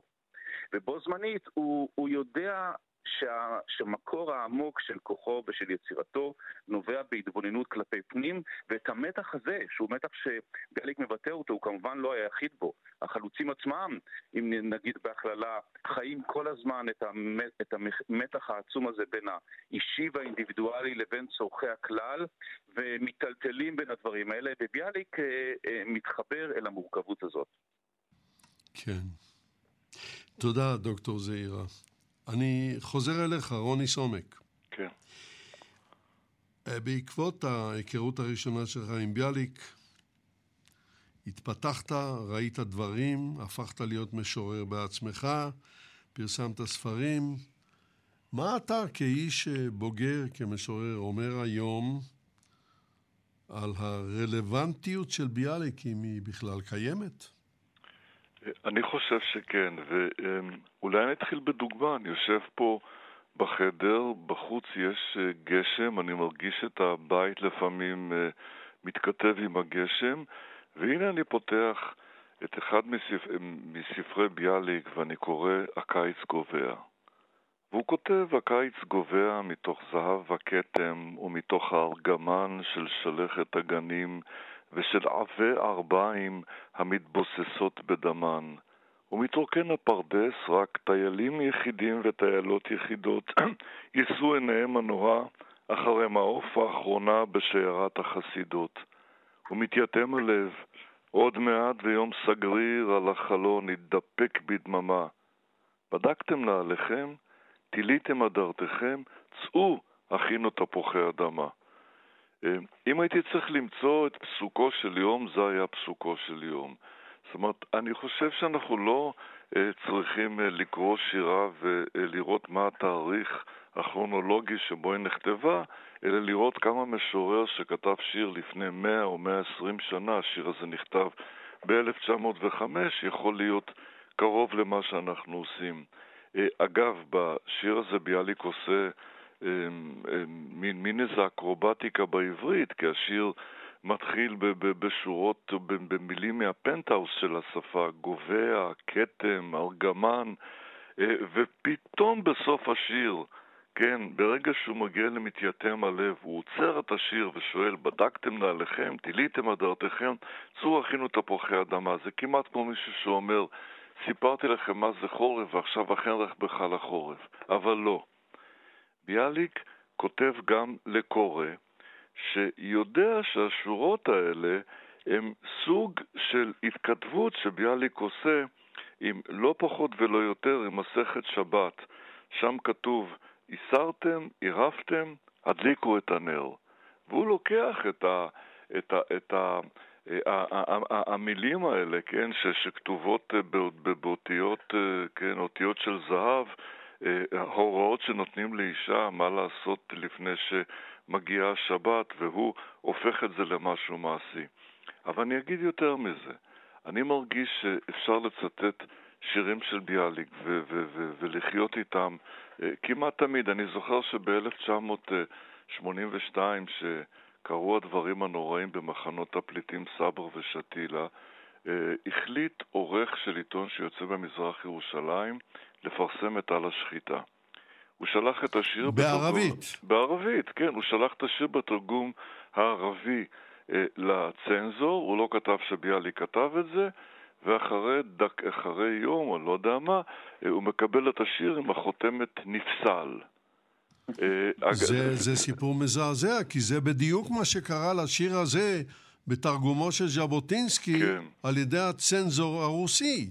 כן. לפני הרבה למעלה ממאה שנה לפני כן. כן, וביאליק אמר שהתרגום לרוסית אולי אפילו טוב יותר מהמקור. זה היה תרגום גאוני, כך אומרים כן. מי שיודעים רוסית. כן. אבל, עכשיו, אגב, אותו עורך עיתון תלה את השיר במשרד שלו, אתה רואה את, את השיר של ביאליק בערבית עם החותמת נפסל, רק כשהוא אמר להם שאת השיר הזה שכתבו עליו נפסל או נפסל בשפתו של העורך, אה, כתב חיים נחמל ביאליק, אז הם הם כמובן אישרו, כי אתה לא יכול לצנזר משורר לאומי. אבל לא רק זה. זאת אומרת, התחושה שלי שהיום אני יכול אה, אה, אה, לראות אנשים שמחזרים אחרי בחורות, וסליחה שאני קצת ככה מנמיך את הדיון בעזרת שורות משירים של ביאליק. ואני אתן דוגמה אולי קיצונית ואולי אפילו לא כך שייכת. ב-1970 הייתה קבוצת כדוריד ברמת גן, ושני הכוכבים של הקבוצה היו פרץ גרינפלד ואיגור ביאליק. וקריאת העידוד של הקהל הייתה ח' נ' ביאליק י' ל' פרץ. עכשיו זה נשמע מוזר, זה נשמע סוריאליסטי, אבל אני הרגשתי גאוות יחידה, הרגשתי שלכל התפילות הנידחות יש גם סאונד של כדור מוקפץ. ואני שאלתי אנשים שם, שאלתי אנשים, יודעים uh, מה זה חטא נון ביאליק י' ל' פרץ, כי זה נשמע פנטסטי, וחלק מהם ציטטו לי שורות ו, וכל מיני, מיני דברים ש, שביאליק אמר, פחות י' ל' פרץ. ההרגשה שלי שכל ה... כל ה... כל ה... ה... הכנפיים שביאליק תפר אה, למילים, ואנחנו לפעמים מרגישים ש... אה, זאת אומרת, השירים לא עפים גבוה מדי, היא הרגשה קצת משונה, כיוון שברגע שאני בוחן את הדברים, אני רואה שאנשים כן מוסיפים זיכרון פרטי לקטר הגדול הזה שנקרא חיים נחמן ביאליק, והוא רלוונטי. כן. אז בהמשך ישיר לדברים שלך, פרופסור זיווה שמיר, כמה מילים על העממיות בשיריו של ביאליק. כן, אז אנחנו שמענו שהוא לא כתב על ארץ ישראל ולא על ירושלים והכותל המערבי כמו שציפו ממנו, וקרא ביפו את הפרק מתוך מאחורי הגדר, שזה הדהים את קהל המוזמנים. אז הוא לא היה משורר לאומי במובן הזה שציפו לו, אבל הוא הבין שבזמן המעבר של העם מן הגולה לארץ ישראל, העם החדש שנתלקט מכל מיני קהילות של בפזורה היהודית, הוא הזדקק להרבה דברים, כולל פזמונים ושירי עם ושירי ערש ושירי ילדים, והוא כאמור סיפק את החסר. אז אה, הוא הבין שהוא עושה מעשה אבסורדי, והוא אפילו כתב על זה לדרויאנוב, אה, שידוע לנו כעורך ספר הבד... הבדיחה והחידוד, אה, הוא היה ידידו בתקופת אודסה, הוא אמר לו, אני כותב משהו שאף פעם לא כתבו בעברית, שירי עם בשפה שאיננה מדוברת. כי הרי שיר עם, בהגדרה, זה משהו שעובר מדור לדור, במסורת שבעל פה, והוא כתב את השירים האלה בן לילה, ברגע שהתחילה להיות שפה מדוברת. אז איך עושים את זה? אה, הוא לקח לשם כך כל מיני שירי עם שהיו שגורים בלשון יידיש, ובאותה תקופה בדיוק יצאה אסופה כזאת של אה, שירי יידיש שערכו שני אתנוגרפים בשם אה, גינזבורג ומרק, והוא, אגב, אחד העם זלזל בשירים האלה, הוא היה אריסטוקרט ורצה רק שירה קלאסית, אבל ביאליק ראה שזה חומר גלם מצוין ליצירה. אז הוא לקח את השירים האלה שאושרו בפי העם דורות על גבי דורות ותרגם אותם. תרגם כביכול, כי בכל שיר כזה הוא שרבב משהו משלו שהופך את השיר האותנטי על פיו. אז אם בשיר האותנטי הדובר הוא אדם פשוט ואדם סנטימנטלי שכותב, אה, שאומר איך ליבו נקרע, אז ביאליק המתוחכם שעומד לו מאחורי גבו ומציץ אלינו הקוראים בקריצות עין, אז הוא שם בפיו כל מיני דברים שמגחיכים את האני הדובר בשיר. אז אתה ודאי זוכר את השיר "היא יושבה על החלון וסורקה שערה", אז יש לנו צעיר שבטוח שאהובתו היא התגלמות היושר וטוהר המידות. בעיניכם היא פרוצה, בעיניי היא ברא. אז ביאליק מראה שבסוף השיר הזה, שהנערה הזאת, שאהובה בטוח שהיא שיא השלמות, אז היא קובעת עם אהובה לצאת בלילה אל משעול הקמה כדי להתעלס איתו באהבים. אז אם כך, יש אולי סיבה שהבריות הוציאו לה שם רע. אז הנה לכם דוגמה שהוא לקח שיר נאיבי, שהדובר בו הוא אדם נאיבי שמספר איך, איך ליבו נקרע, והוא הופך את זה לשיר מתוחכם ומורכב, וכך הוא עשה בכל השירים העממיים האלה. מהראשון שבהם היה בנהר פרת או נהר חידקל. אבל היו לו, הייתה לו סדרה שלמה של שירים עממיים, וגם שירי הילדים שלו הם שירים עממיים. הוא זה... גם התכוון להוציא אותם כשירים עממיים בברלין, אלא. שהתוכנית הזאת לא... לא יצא לפועל. זה מחייב אותי לשאול אותך שאלה חצופה, מתוך ביצת הרכילות שהתקשורת תמיד תעסוק בה. בסיפורו מאחורי הגדר ישנו בחור צעיר, נוח, שהוא מכניס להיריון את הגויה הצעירה שמעבר לגדר. נוח בהיפוך אותיות הוא חיים נחמן. האם יכול להיות שחיים נחמן בנעוריו עשה דבר כזה? אה, לא, לא עמדתי מאחורי הגדר כדי להתבונן, אבל אני יכולה לומר לך שסופו של הסיפור, שהוא עיקרו של הסיפור, וביאליק כתב באיגרת לחבר שלו, הוא כתב, מה דעתך על הסוף של הסיפור? אה, בוא טמון הכל. אז אחרי סיפור ארוך מאוד, שהוא כמעט נובלה, אה, הוא כותב שורות מעטות. הוא אומר, אה, האם קם נוח וברח עם הרמקה? אינך יודע נפש אדם מפרבר העצים.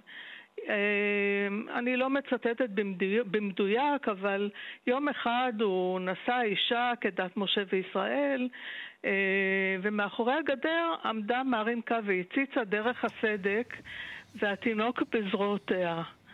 ובאמת אה, על זה אפשר לעשות תוכנית שלמה, מה זה התינוק בזרועותיה של מרים מרינקה. אה, אני חושבת שהוא מראה כאן איך מעשה עוולה קטן הפך למלחמה רב-דורית בין גזעים ובין דתות, אה, שסופה מי ישורנה. אני מקבל את... אה, אז העניין הביוגרפי, אם היה או לא היה, הוא מתגמד לנגד הרעיונות ההיסטוריוסופיים שהוא נטע בסוף היצירה כן, הזאת. כי מעשה, מעשה עוולה מהסוג הזה, ובסיפור, מעשה עוולה הוא קשה מאוד. אה, היו גם היו. תודה רבה לך, פרופסור שמיר. עדיין את איתנו, אל תלכי לשום מקום. דוקטור מוטי זעירה, אני. עכשיו רוצה לעבור להיפוך של מאחורי הגדר, לתפיסת השבת של ביאליק. הלוא ביאליק עישן סיגריות, הוא עישן הרבה, והוא עישן סיגריות גם בשבת. איך אה, מתקבלת התפיסה שלו, תפיסת השבת שלו? Hmm. תשמע, יש סיפור נחמד, אמרת את העישון, יש סיפור נחמד שהוא עומד בחוץ לביתו, רחוב ביאליק של היום, ומעשן בערב שבת אה, סיגריה. ואז ניגש אליו איזה יהודי שומר מצוות, ותגיד, איך, איך, איך אפשר? ואז הוא אומר, אתה צודק, ומתחיל לתת לו נאום שלם בשבחה של השבת. ואז אחרי שהוא ככה משקיע הרבה מאוד מאמץ בדיבור, הוא שואל בהיסח הדעת, אולי יש לך פפירוסה? כלומר, תן לי איזה סיגריה אחרי זה. הוא עשה אגב הבדלה בין, אה, בין אה, רשות היחיד לרשות הרבים. זאת אומרת, זאת הייתה הנקודה שביאליק בהתנהלות האישית שלו שם את, ה, שם את ההבחנה בין מה אפשר ומה אי אפשר. תראה, צריך להגיד, תפיסת השבת של ביאליק היא מרכזית בכלל בכל, ה, בכל העולם הרוחני ש, שלו, ובתוך מה שהוא לוקח את תפקידו להיות, אה, להיות אה, בתוך הדור הזה שמצד אחד הוא נפרד מבית המדרש ועדיין בית המדרש חומר בו והגעגועים נמצאים בתוכו והיסודות החיוניים של, ה, של, של המסורת, של התרבות העברית אה, והמסורת היהודית הם, הם, הם סופר חיוניים בשביל יצירת הבניין שמנסים כאן לבנות בארץ, שהוא לא יהיה רק בניין של בטון ומלט, אלא יהיה בו יסודות של רוח שייתנו לו את היכולת להחזיק מעמד. אה, והוא רואה, הוא פוגש בארץ ישראל. מהרגע שהוא כבר עולה, עושה את העלייה, הרבה אחרי שציפו ממנו מעריציו שהוא יגיע, אז הוא בסופו של דבר מגיע לארץ, באמצע שנות ה-20, ו... ואז הוא רואה את השבת העברית הארץ-ישראלית, שיש בה מצד אחד אה, הפסקת עבודה, כלומר, במובן הזה זה, זה ישנו וזה מתפקד ואפשר לחוש את זה. ומצד שני, הריק הזה, שבמיוחד הוא חווה אותו סביבו בתל אביב הצעירה, העיר הלבנה שצמחה מן החולות, אה, הוא פגש את המשחקי כדורגל בשבת, הוא לא הבין מה זה ההתרוצצות הזאת של, של אה, שחקנים אחרי כדור, והוא לא שמע את הסיפור על הכדוריד המקסים שסיפרת, רוני, והוא אומר, מה זה? או אנשים הולכים לים. והוא מחפש איזושהי דרך לתת את התוכן הרוחני, ההגותי, אפילו הייתי אומר את החווייתי שיש, שיש בשבת, בשבת היהודית, והוא מנסה לחולל את זה בתוך הסביבה שבתוכה הוא מתפקד. והביטוי החשוב ביותר לדבר הזה, כיוון שהוא היה במובן, במובן העמוק וה, העמוק והחשוב ביותר של המילה, הוא היה עסקן תרבות, עסקן במובן שעוסק בזה ויוצר בזה, לא רק יושב בחדרו ומסתגר וכותב שירים, אז הוא יצא אל הרחוב במובן הזה שהוא הגה את הרעיון של עונג שבת. לעשות, להכניס קצת רוח בעיר החילונית ובסביבה החילונית שבתוכה הוא מתפקד, והוא בוחר לעשות את זה בשבת, והוא יוצר ממש אה, מוסד אה, תרבותי.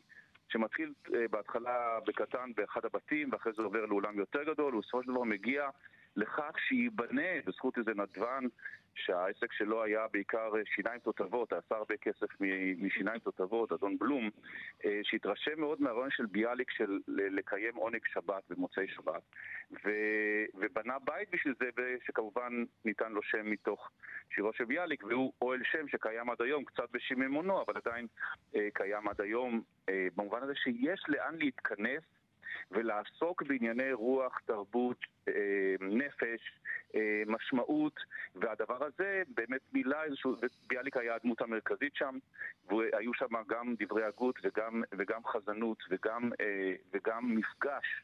אנושי שאנשים יכלו לבוא, אני, יש אין ספור זיכרונות של ילדים שההורים שלהם לוקחים ילדי תל אביב הקטנה, שהילדים שלהם, שההורים שלהם לוקחים אותם לעונג שבת של ביאליק ומתמלאים מהדבר הזה במשהו שגם אם לא ידעו להסביר לעצמם, קיבלו איזשהו תוכן. אז הוא במתח כן. הזה, במתח בין לייצר תרבות לבין להקשיב לסביבה, לבין להכניס פנימה את מה שחשוב בעיניו. כן, דוקטור מוטי זעירה, תודה לך. רוני סומק, אה, עסקת בזה שנים, שנים.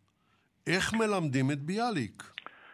אה, קודם כל אה, צריך לאהוב מאוד את ביאליק, וגם אם אני אה, יודע שאני צריך לספר רקע היסטורי של שיר והרקע לא יכול להיות פוטוגני ברגע הראשון, אני חייב לעשות את זה. והדוגמה שאני אתן זה השיר לבדי. אני מאוד אוהב את השיר הזה, אני חושב שהשיר הזה הוא תיאור נפלא לא רק של הסיפור האמיתי, הסיפור שב-1902 מתלבטים הצעירים אם להישאר בבית המדרש או לצאת וללמוד דברים אחרים.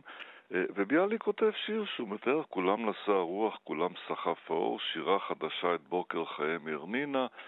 אה, ושאתה שואל אותו בין השורות אה, למה אתה לא הלכת, והוא עונה, ואני גוזל רך, נשתכחתי מלב תחת כנפי השכינה. אבל השיר הזה בעיקרו הוא שיר על בדידות, הוא שיר על הרצון הזה להגיע לחלון, ואתה יודע שאתה לא יכול.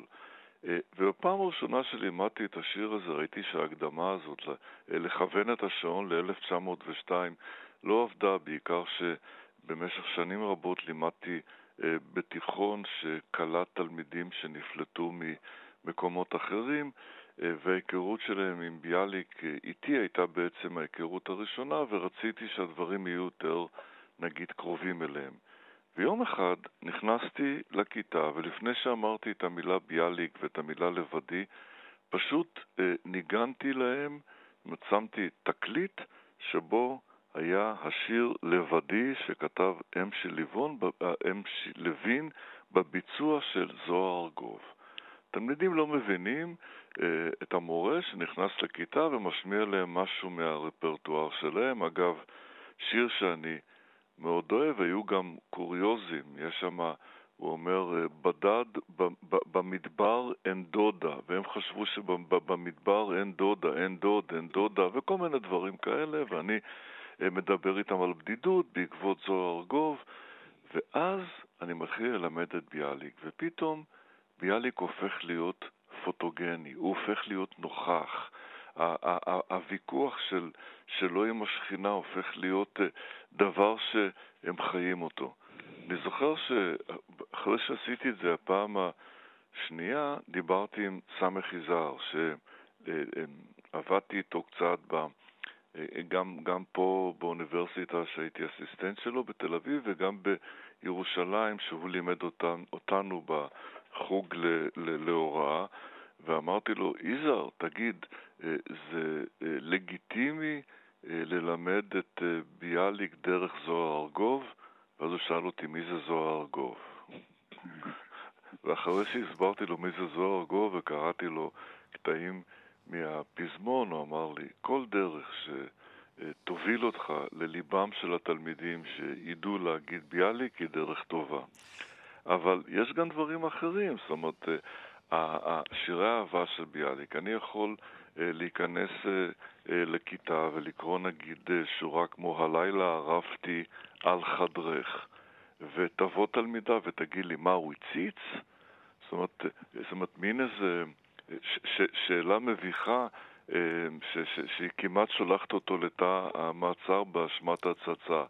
אה, אה, פעם לקחתי אותם לבית ביאליק, ובבית ביאליק על עדן חלון הייתה משקפת, כי מה, מבית ביאליק היה אפשר פעם להשקיף ולראות את הים, ואחד התלמידים, כן, זאת אומרת, ראה בזה כמוצג משפטי לדבריה של אותה תלמידה.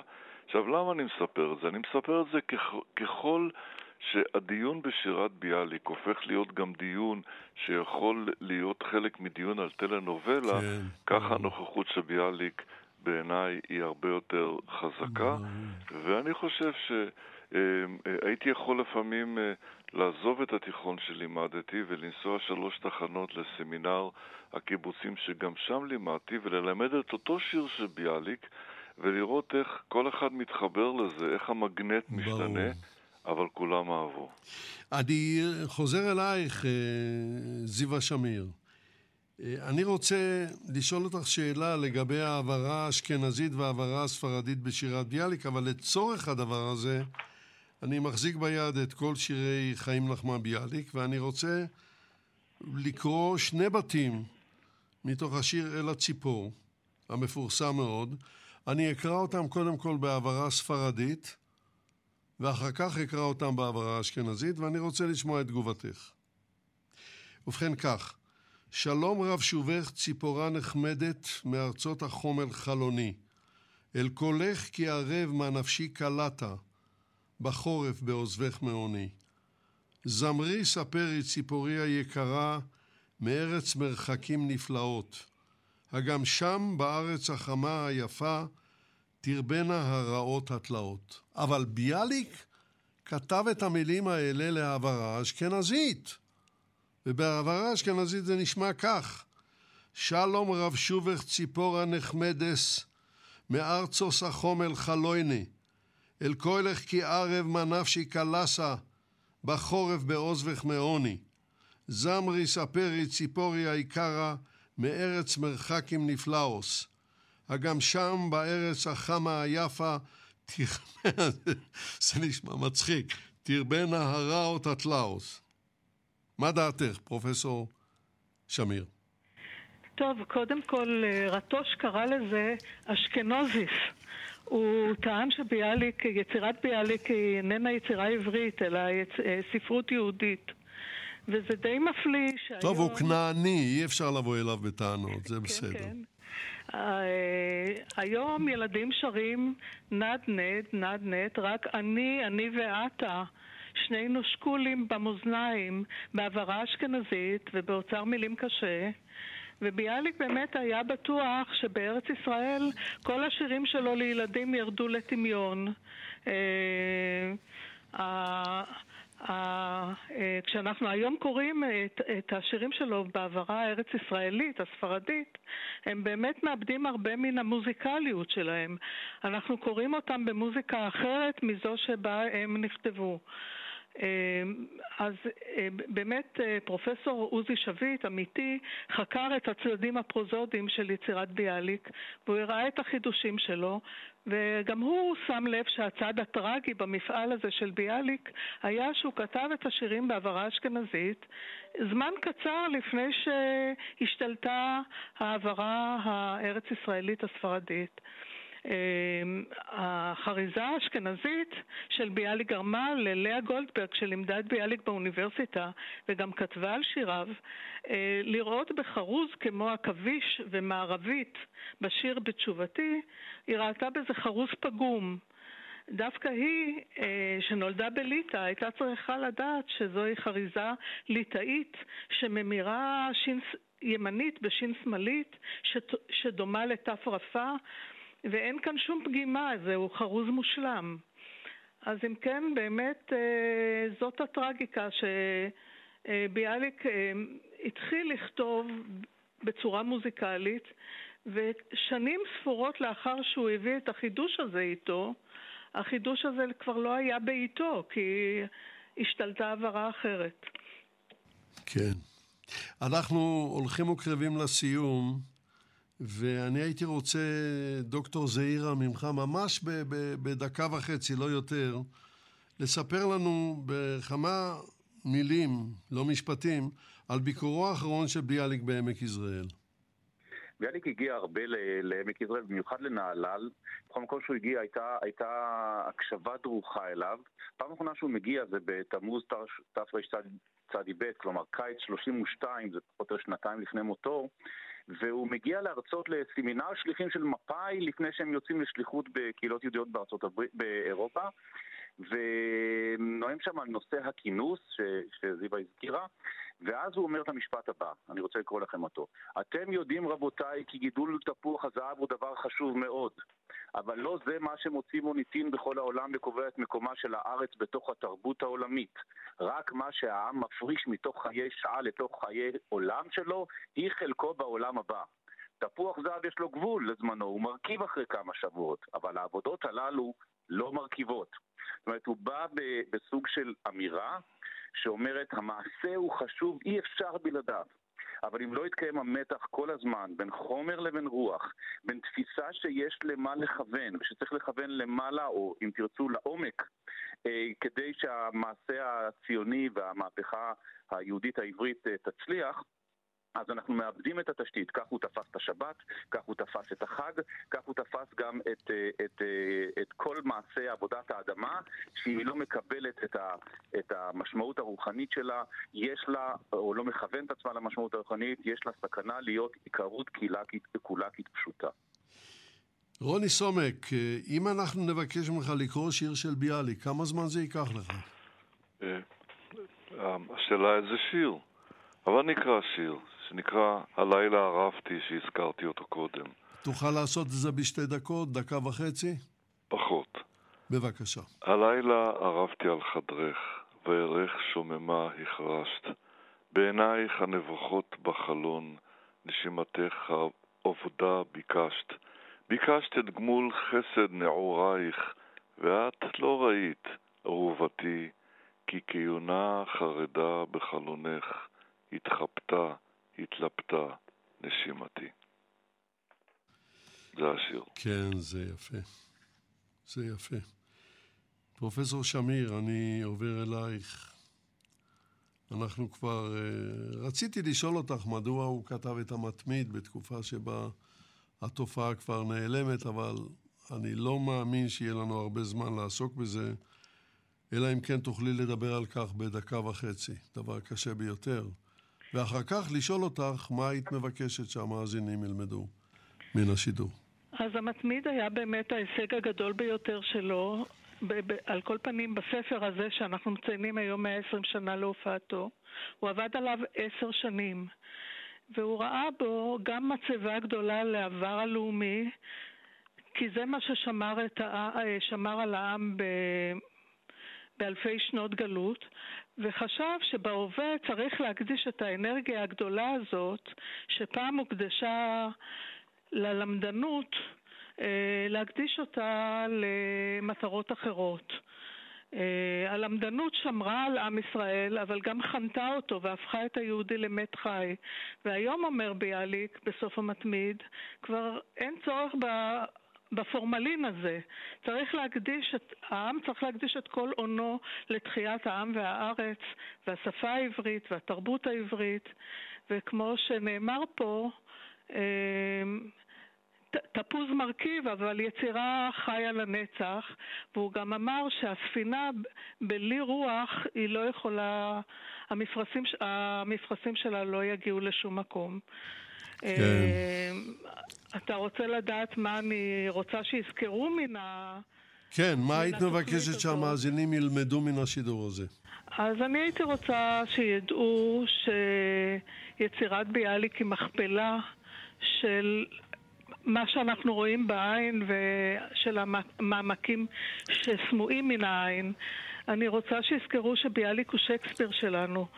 תופעה שנופלת בחלקו של עם פעם בחמש מאות שנה או אלף שנה, אה, ונכס כזה צריך לטפח אותו. אה, הוא שייך לכל עדה, לכל מגדר, לכל מגזר, ואסור לשים אותו בצד בגלל קוניוקטורות פוליטיות כאלה או אחרות. כן. תודה רבה לך, פרופסור זיווה שמיר. דוקטור מוטי זעירה, מה היית מבקש שהמאזינים ילמדו מהשידור? אני רוצה לתת למאזינים את הרצפטה, את המתכון של ביאליק למתח שבין ישן לחדש, בין, בין דת לבין חילוניות אם תרצו, כשכותבים אליו אה, אה, חלוצים מקבוצת אה, גניגר בשנת 1930, להתייעץ איתו איך לעשות את ליל הסדר, הוא נותן להם את המתכון הבא. חוגו את חגי אבותיכם, והוסיפו עליהם קצת משלכם, לפי כוחכם ולפי טעמכם ולפי מסיבתכם. העיקר שתעשו את הכל באמונה ומתוך הרגשה חיה וצורך נפשי, ואל תתחכמו הרבה. אני חותם על זה, זה עיקר המפעל של, שלנו השנ, בשנים האלה, איך לחבר בין יהדות לבין ישראליות, בין עבר לבין עתיד, למען התרבות העברית. המילה האחרונה שלך, רוני סומק. במפה הטיפוגרפית של השירה העברית, ביאליק הוא אברסט. ואני מציע להתגבר על פחד הגבהים ולחזור ולטפס על ההר הנפלא הזה. וכמו שפרופסור זיווה שמיר אמרה, הוא השייקספיר שלנו. תודה רבה גם לך, רוני סומק, תודה לדוקטור מוטי זעירה, תודה לפרופסור זיווה שמיר. עד כאן להפעם, עד כאן לעכשיו. הם הביאו לשידור יגאל בוטון וחדווה אלמוג, נתבע והפיקה ליטל אטיאס, אני יצחק נוי. אהיה עמכם כאן גם אחרי החדשות. כאן, המקום הטוב ביותר בבוקר שבת. יישארו עמנו.